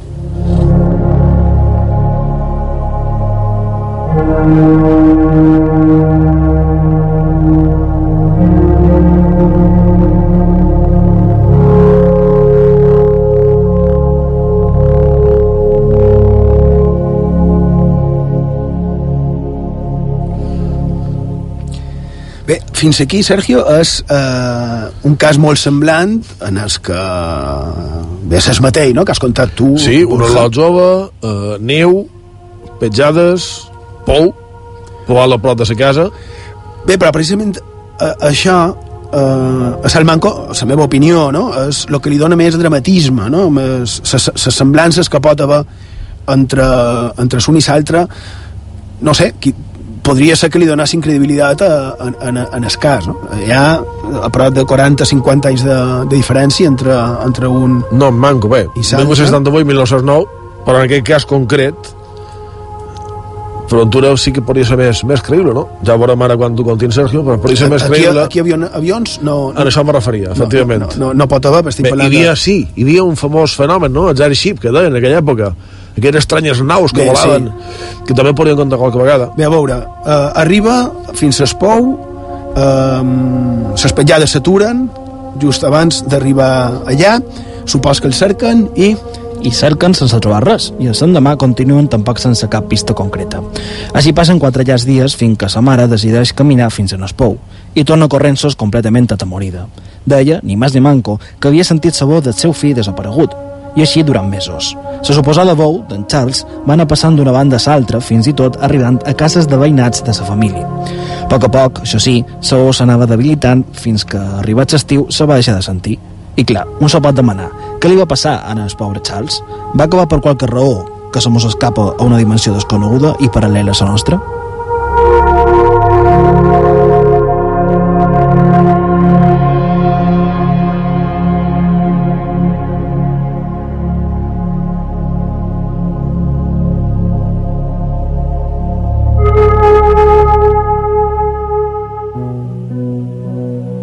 I aquí també hi ha un tema que també m'ha sorprès, no? Uh, va estar de més mig any sentint-se sa veu d'aquest lot, d'aquest jove. A més, una veu, això no, ho- no ho hem contat, però sí que, sí que va quedar documentat en el seu moment, una veu que no, no deia res amable, no deia bon dia com estàs, no, una veu que demanava ajuda i que se queixava i que deia que no estava bé i que ets boia, però que no podia contactar amb ells. Com si fos una psicofonia. I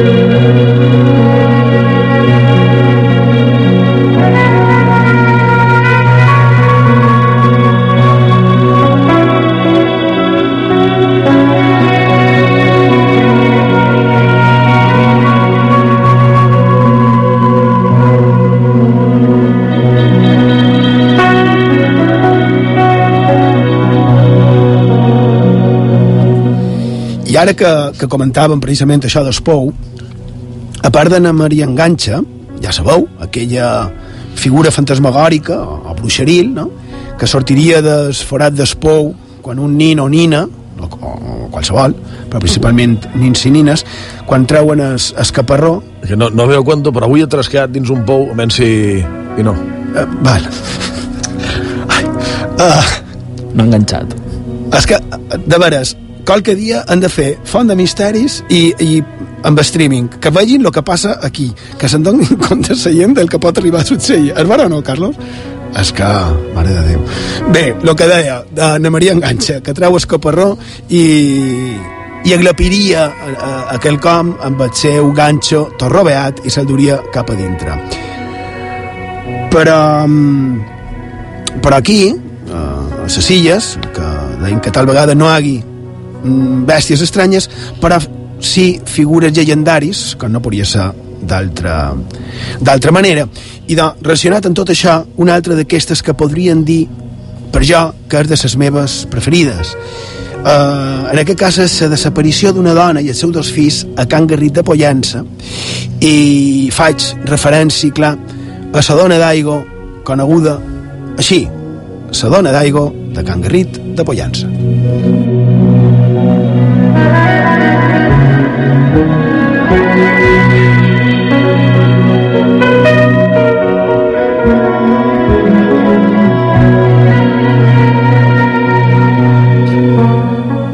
La història de la dona d'Aigo de Can Garrit de Pollença, és a dir, amb una direcció, amb una adreça. He vist el pou, he vist el forat, en el que, en el que faig referència, com sempre que, que em parlen qualcú d'aquest cas, sempre el meu agraïment en en el professor Cifre de, de Pollença, i, i bé, aquest cas es pot trobar a diferents escrits. Fins i tot ho va recollir l'Arxiduc a les seves rondalles, on en, ell ens contava això és del llibre Rondalles de Mallorca, de l'Arxiduc, i ens contava més manco que un home, Fadrí, anava cada dia a fer les seves feines d'escamp a les afores de Pollença. I tornava al vespre a casa seva per, per sopar i dormir. I un dia, quan tornà a casa seva, quina va ser la seva sorpresa quan es trobà que tota la casa estava en- enllestida, no? I, clar, tot sorprès. I veient que cada dia repetia aquest mateix fet, va decidir quedar-se uns d'aquells matins amagat, no? per veure qui era que li feia això. I al cap d'una estona sentia un renou com a d'aigua i va veure que de dins la cisterna sortia una dona.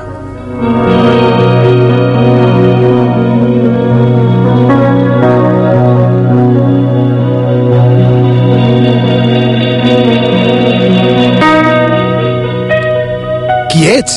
Li demana enviar el perxanc, que així es deia el nostre protagonista. Jo som, la dona d'Aigo, respongué ella. I bé, es varen anar veient i coneixent fins que al poc ell li demana matrimoni i es casaren en la condició imposada per ella de que mai li podria dir dona d'Aigo. Així passà el temps i fins i tot tingueren dos fills, un nin i una nina. I el matrimoni era del tot feliç i tot quatre estaven la mar de bé fins que arriba un mes de febrer i en el camp, en el seu hort, que més també està localitzat, i de, ella li va tear totes les flors de les faveres i quan ell va veure la destrossa li demanà que per què ho havia fet. I ella, tota tranquil·la, li digué que perquè tot mateix faria una llarada i es cremarien. Van començar a discutir i ell li digué el que no li havia de dir, dona d'aigua. I ella, sense afegir res més, agafar a cada un dels seus infantons i es tornar a ficar dins el pou del que no ha sortit mai més.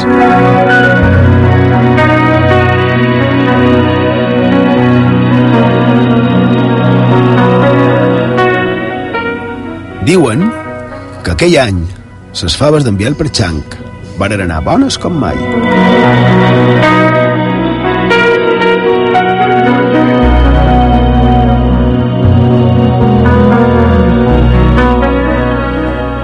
Com deia, aquesta història, o llegenda, millor dit, transcorria a Can Garrit, en el poble de Pollença. He vist el pou, he vist la casa, he estat a la casa, gràcies a en Bernat Cifre, com deia, i també també vaig parlar amb gent relacionada, no? A la que, per cert, aquella cisterna i en terra, que encara hi és, encara que tapada, però hi és, i de, no els hi feia gens de gràcia, no? com si qualsevol dia, un fosc i fred vespre d'hivern, o tal vegada un dia com avui, quan estiguessin llut de vora, li pogués sortir aquella que va desaparèixer fa tant d'anys. Sortir des de dintre d'aquell profund forat a demanar-li qualsevol cosa. I el que seria pitjor, que no la poguessin complaure.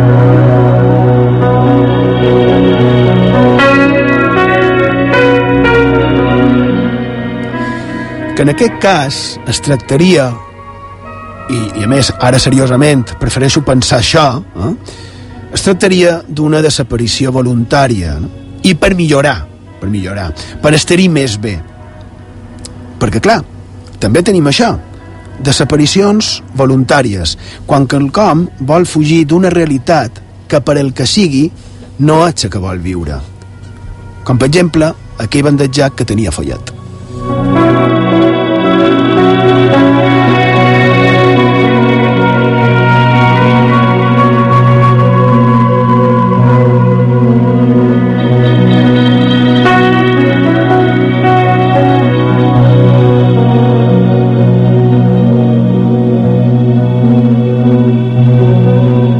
A IB3 Ràdio, Font de Misteris, amb Xema Font. IB3 Ràdio, la ràdio autonòmica de les Illes Balears.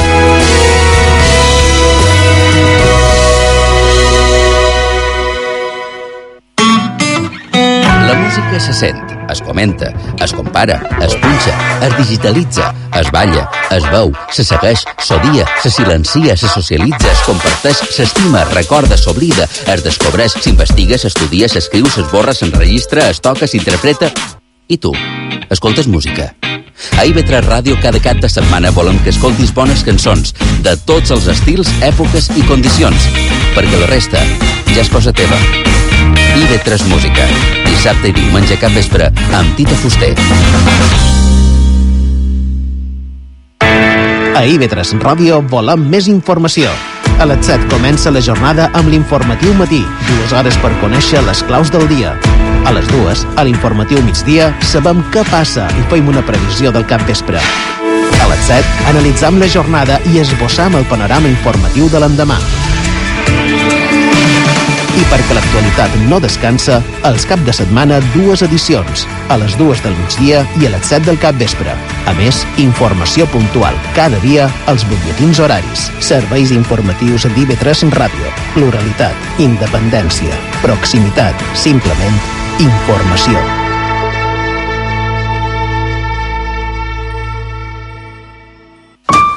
Maria, s'ha acabat ja. En temes sexuals han de ser clars i no mos han d'amagar, eh? Ai, Joaquim, Saps que n'hi ha desconeixements i no te pots fer una idea dels mites falsos que encara mos envolten. I de no pot ser, les coses s'han d'explicar i s'han de tractar. Han de dir adeu en aquest oscurantisme. No passis pena, tens la solució.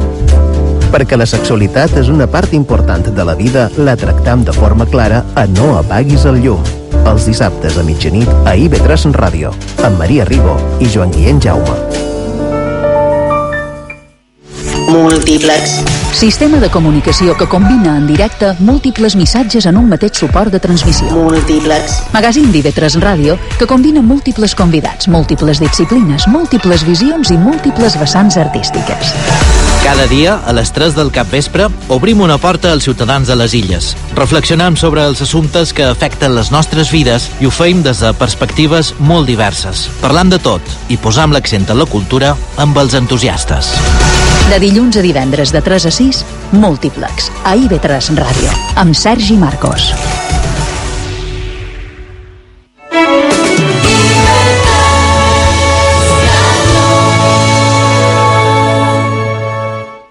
A IB3 Ràdio, Font de Misteris, amb Xema Font.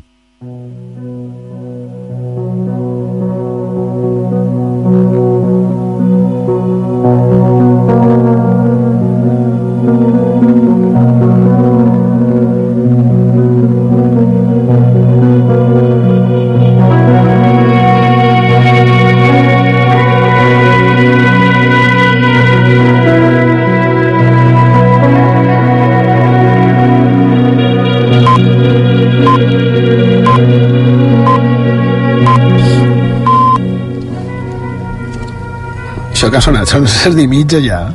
Uh, seguim a IB3 Ràdio. Uh, a les pitiuses mos podeu escoltar en el 93.7 de la freqüència modulada i ara estàvem distrets mirant els, missatges. Uh, Tenim por aquí un mensaje de Juanjo que dice, buena nit, muy interesante el tema de hoy, Chema.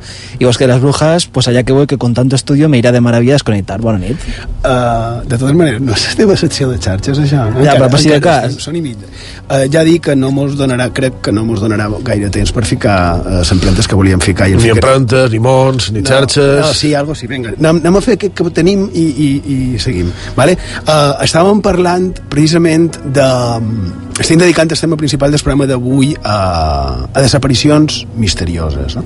I just abans de- d'aquesta pausa estava, mm, volia parlar d'un un bandejat que tenia follet perquè parlaven de desaparicions voluntàries ho deia per lo de la dona d'aigua de Can Garrit i tenir follet, en aquest cas, és tenir la capacitat de desaparèixer misteriosament. No? Hi ha un, un bon grapat de casos, però el bandejat en el que, en el que faig referència, que es deia enrotllat, i deia que tenia l'habilitat de desaparèixer i aparèixer quan volia, Mm, i ho feia mitjans una mena de talismà. Fins que un dia li va fallar el sistema i la justícia eh, el va glapir, no va acabar bé també vos ho dic. I també com a, com a Eivissa eh, hi ha els que tenien un follet eh? un follet perquè precisament un, és un ésser d'aquest tipus màgics tipus, per entendre'ns eh, dimoni boiat i que es duria amagat a, una, a una, bossa, una bossa de pell que devia de tenir unes característiques determinades i que quan l'has de menester eh, ell surt, de la bossa de pell i t'ajuda i com t'ajuda? i de precisament fent-te desaparèixer I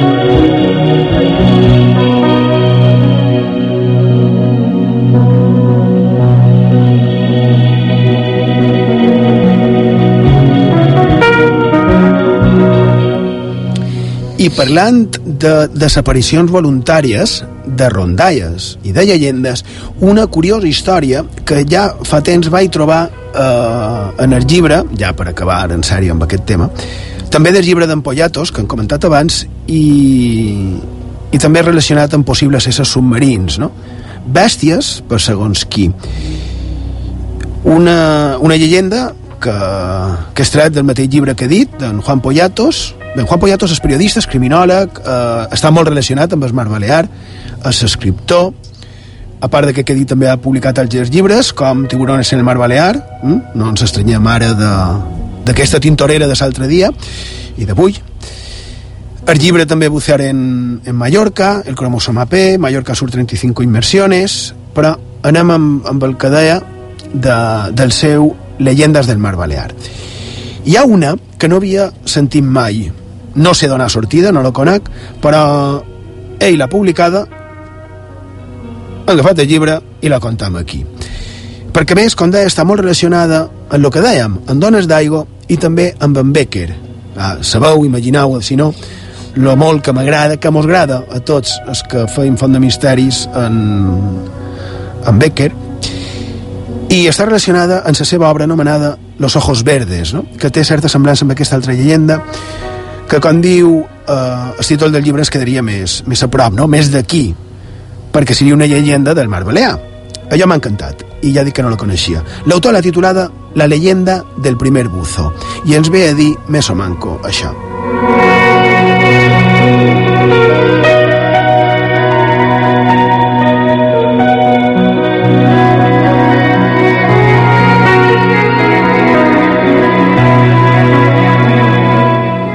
I de diu que el primer bus, bus de persona que es fica a Saigo, de, de submarinista, d'home granota, que es deia abans, no sé si encara es diu, i de, ens conta que el primer d'aquests que hi va haver per aquestes terres va ser a Pollença, l'any 1910. I encara es desconeixien els perills que duen en si mateixa aquesta pràctica. I els, bé, el nostre protagonista es nomia Joan i feia feina de sol a sol, amb una feina, com imaginam, molt arriscada i, i més, molt més abans, no? I així, cada dia, fins que un dia va desaparèixer.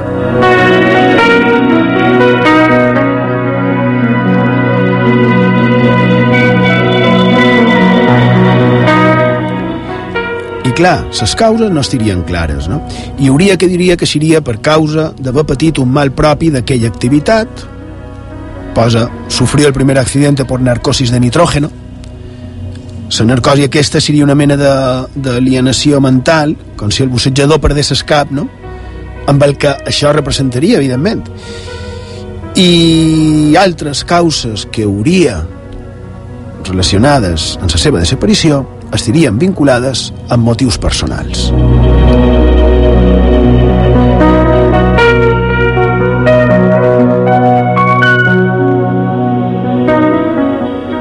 Per què dirien que aquestes causes personals serien probables i no només un desafortunat accident?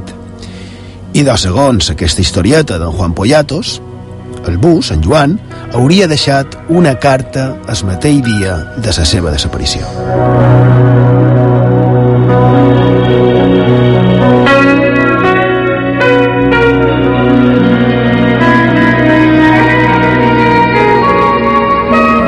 Si vos sembla, ho llegiré textual del llibre Un parell de bocinets.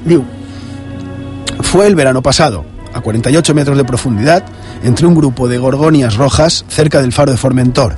La inversión había sido especialmente agradable. Todo salía bien. Estoy seguro, no fue una alucinación, no fue un sueño. Solo fueron unos segundos, pero vi claramente sus ojos negros. Me miró sorprendida pero tranquila. Se asomó entre las algas y desapareció. No pude ver bien su rostro, no vi su cuerpo, pero la reconocí. Vi sus ojos negros clavados en mi cara.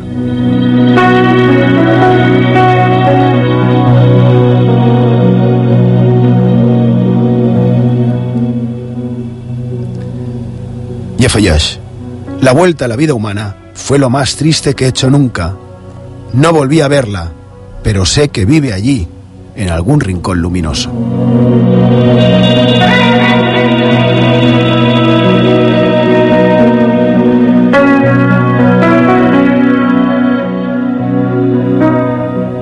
La veritat és que trob que és una, una història preciosa i que més, mm, com he dit, té molta relació amb en, amb en Becker i, evidentment, també ho recomanem.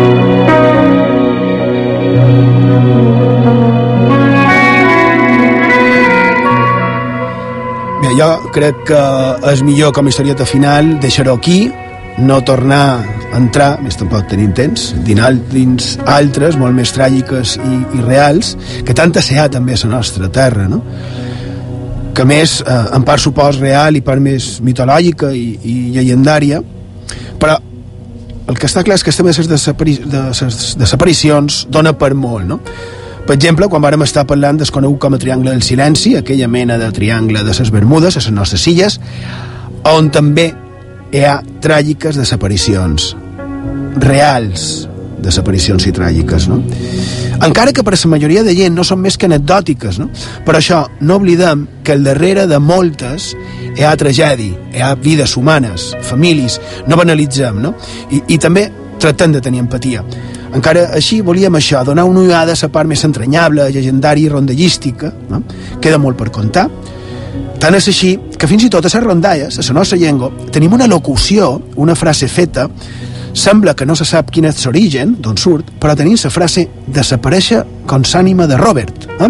que surt precisament a les rondalles, i que vol dir desaparèixer sobtadament i misteriosament.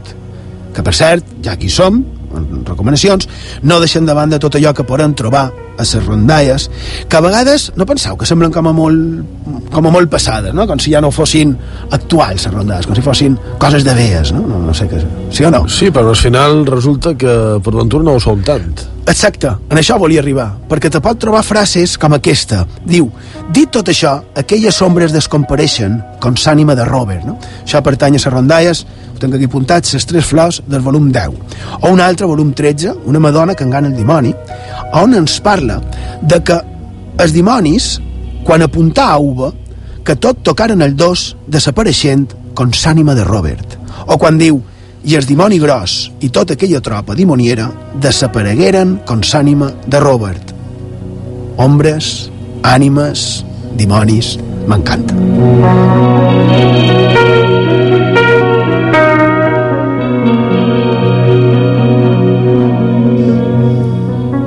Que també ja són nassos d'enganar el dimoni. El manco tractaró, no? ho solien aconseguir, però a vegades hi ha coses com molt, com molt dramàtiques. Bé, quan vam estar amb, amb el professor Grimal ho vàrem veure. Bé, i també hi ha moltes, que no, ni ho han citat, moltes desaparicions referides a llegendes urbanes, que encara... No sé si vos, no han fet un programa damunt aquest tema. Quarta temporada, el tenim allà, allà. Sí, eh? Uh, hauríem de fer qualque programa damunt d'això. Mm, llegendes urbanes, o tal vegada no tant, no? Perquè a vegades superen la realitat. Sí, Carles, feim la uh, darrera pausa i tot d'una continuem aquí, a Font de Misteris, a Sintonia d'Ivetra Ràdio.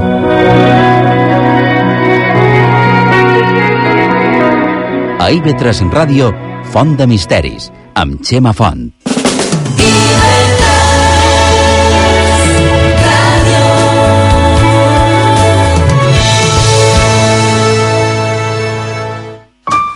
Maria, s'ha acabat ja. En temes sexuals han de ser clars i no mos han d'amagar, eh? Ai, Joaquim, saps que n'hi ha desconeixements i no te pots fer una idea dels mites falsos que encara mos envolten. I de no pot ser, les coses s'han d'explicar i s'han de tractar. Han de dir adeu en aquest oscurantisme. No passis pena, tens solució. Perquè la sexualitat és una part important de la vida, la tractam de forma clara a No apaguis el llum. Els dissabtes a mitjanit a IB3 Ràdio, amb Maria Ribó i Joan Guillem Jaume. Múltiplex. Sistema de comunicació que combina en directe múltiples missatges en un mateix suport de transmissió. Múltiplex. Magazín d'IV3 Ràdio que combina múltiples convidats, múltiples disciplines, múltiples visions i múltiples vessants artístiques. Cada dia, a les 3 del cap vespre, obrim una porta als ciutadans de les illes. Reflexionem sobre els assumptes que afecten les nostres vides i ho feim des de perspectives molt diverses, parlant de tot i posam l'accent en la cultura amb els entusiastes.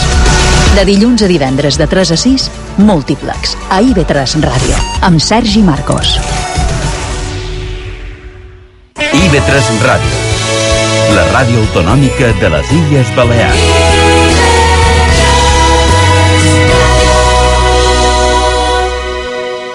A IB3 Ràdio, Font de Misteris, amb Xema Font.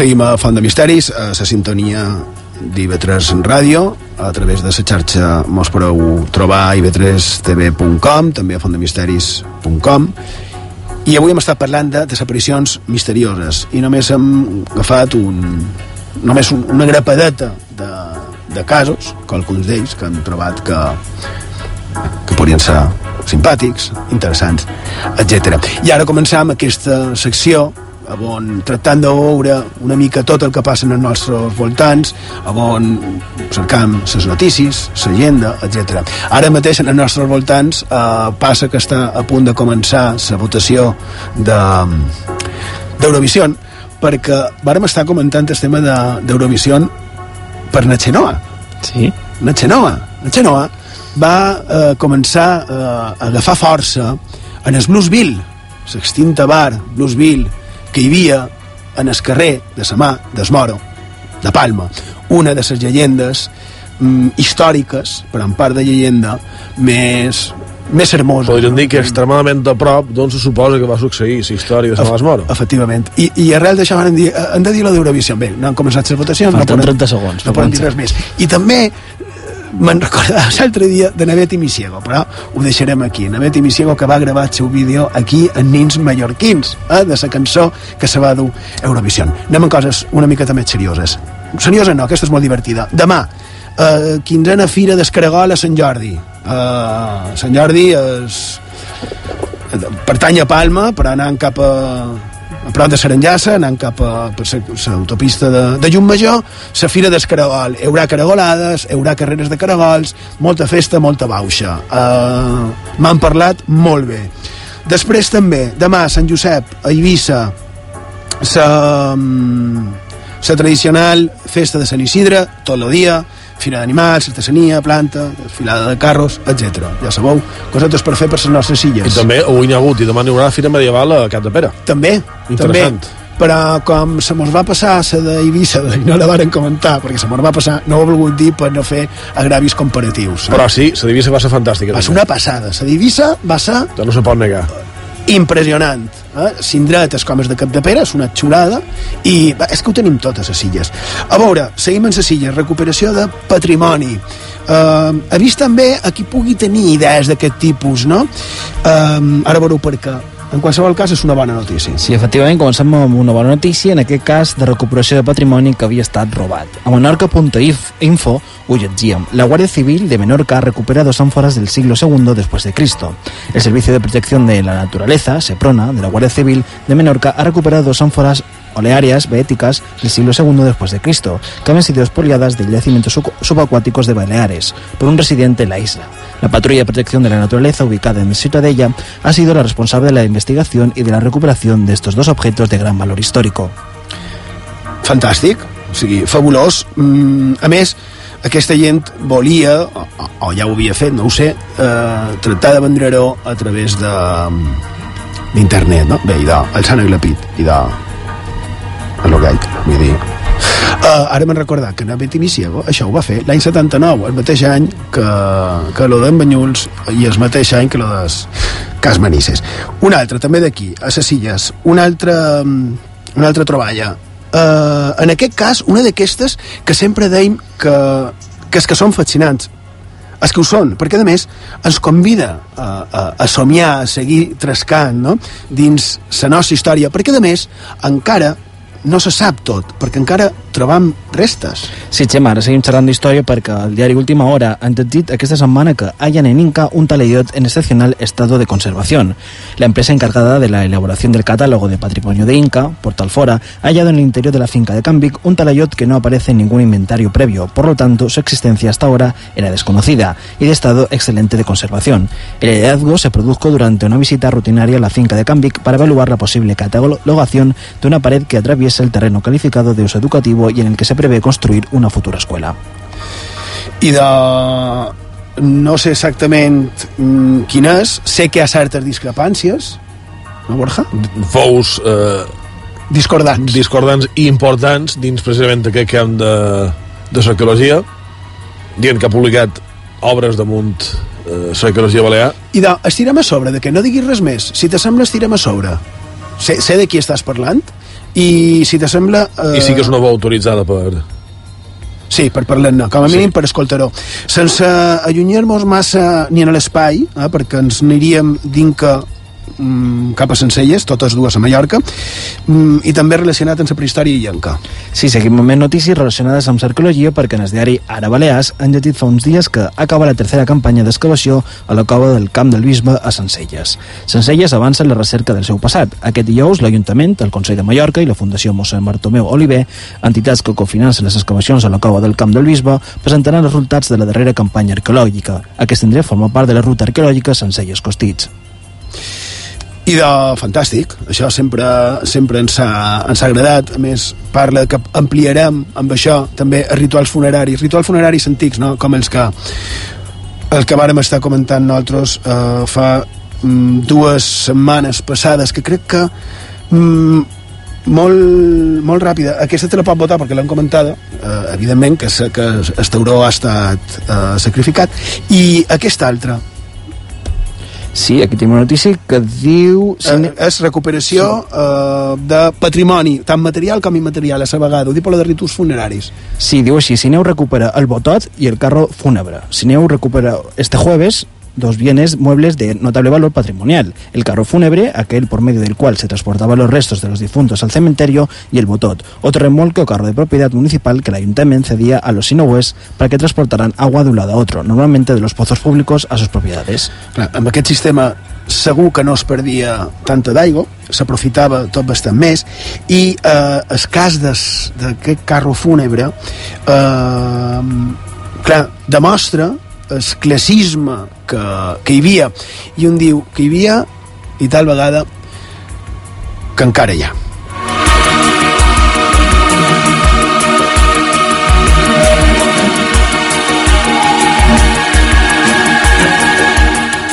si te sembla, com has, abans has llegit un parell, ja no en llegeixes més, no tirant la sintonia teva i dius, si vols, per favor, les formes de, de contacte per poder seguir comentant, eh, donant idees, eh, criticant, etc. El, el programa. I d'allà sabeu, ens podeu trobar a Facebook i Twitter cercant Font de Misteris, a Instagram, en el correu electrònic fondemisteris arroba ib3radio.com i en el WhatsApp 659 16 69 52 i agrair com sempre els vostres missatges i també les descàrregues que feis uh, online a la nostra en el nostre canal de la plataforma iVox.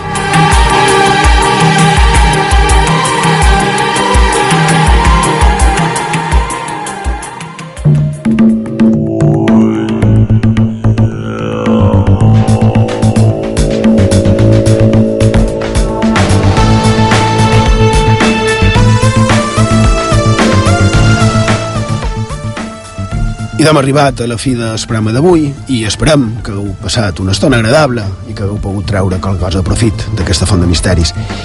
I bé, aquesta setmana s'està parlant molt d'eleccions, de, de pactes, de l'absència de, de pactes, de candidats, i a la vegada ha hagut una ciutat europea, una de les grans capitals del món, on també hi ha hagut eleccions, en aquest cas municipals a la de la ciutat de Londres i els titulars dels principals diaris arreu del nostre vell continent ha estat que en Sadiq Khan, així és el nom del nou batlle, i dos notícia que és musulmà.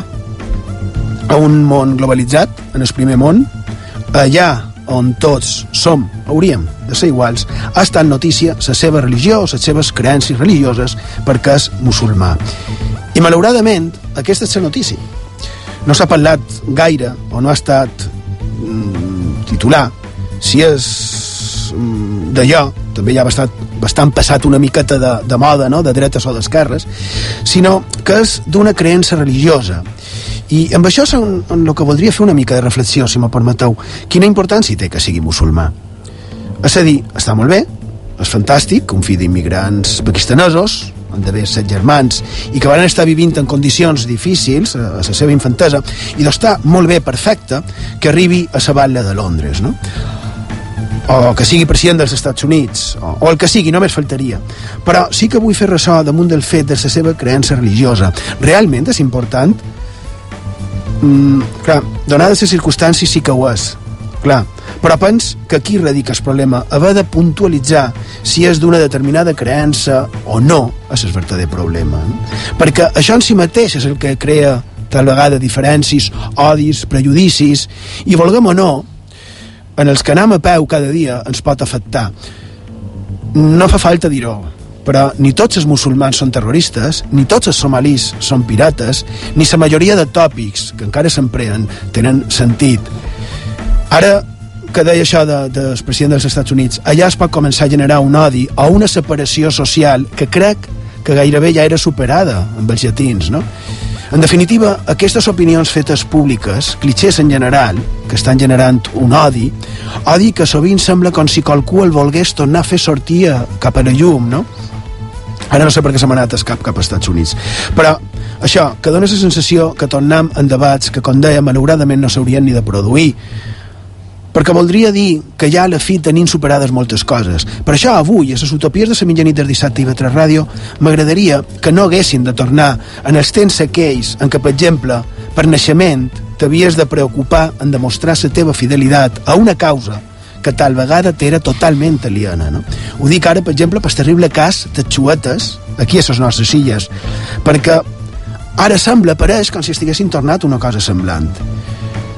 Davant de veres, Penseu que tan important és saber quina religió o quina absència de creences té el batlle de Londres?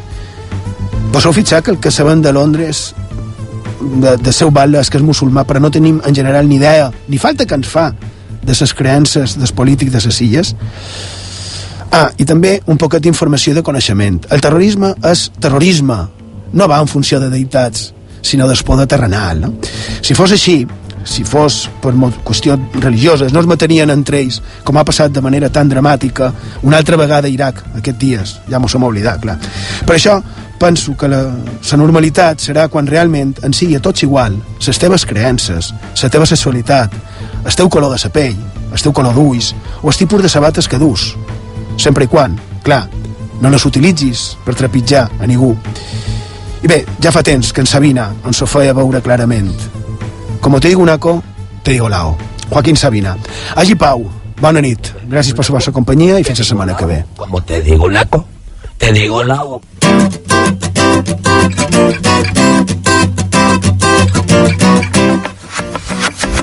Como te digo Naco. te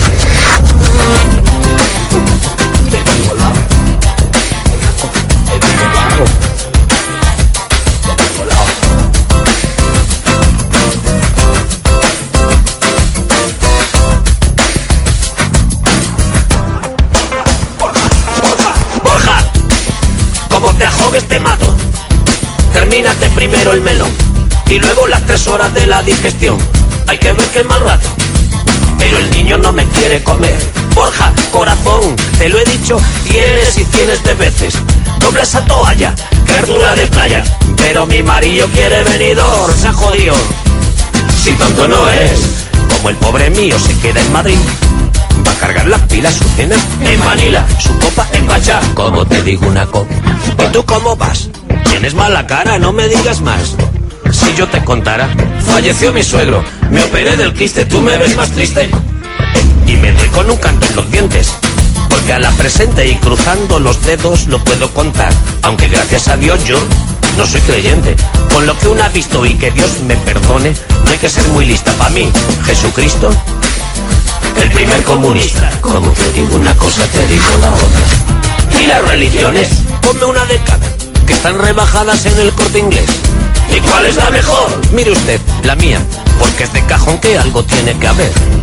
Llámalo X, me parece bien. Llámalo energía, mejor todavía. Y los curas, eso ni en pintura. Y el tarot, y la astrología, me los hice ayer en la peluquería. Y el dinero, el único Dios verdadero. Y Lutero, y Buda, y Mahoma, con su pan se lo coman. ¿Y qué opinas del Papa de Roma? Ese, un particular. Pero a ti que te voy a contar. Fíjate que yo, sin ser socialista de las de carné, y hasta aquí del gal y de la corrupción que sí, que existió, una mala gripe que había que pasar, pero te decía, como mi Felipe, a mí que no hay dos. Y si no tú misma porque el del bigote no tiene carisma. Como te digo una cosa, y habrá quien lo vote que hay gente pató. España va bien, será para él, sí, total. Le tocó en una rifa. ¿Y qué vas a hacer? ¿Votar al califa? Desengáñate. Será muy honrado, no digo que no. Y trabajador. Y pico de oro. Pero desfasado. Pero desfasado. Pero a lo que iba, el año pasado pillamos un charter de Martes a Marruecos. Por esa agencia sí mujer, viajes el halcón.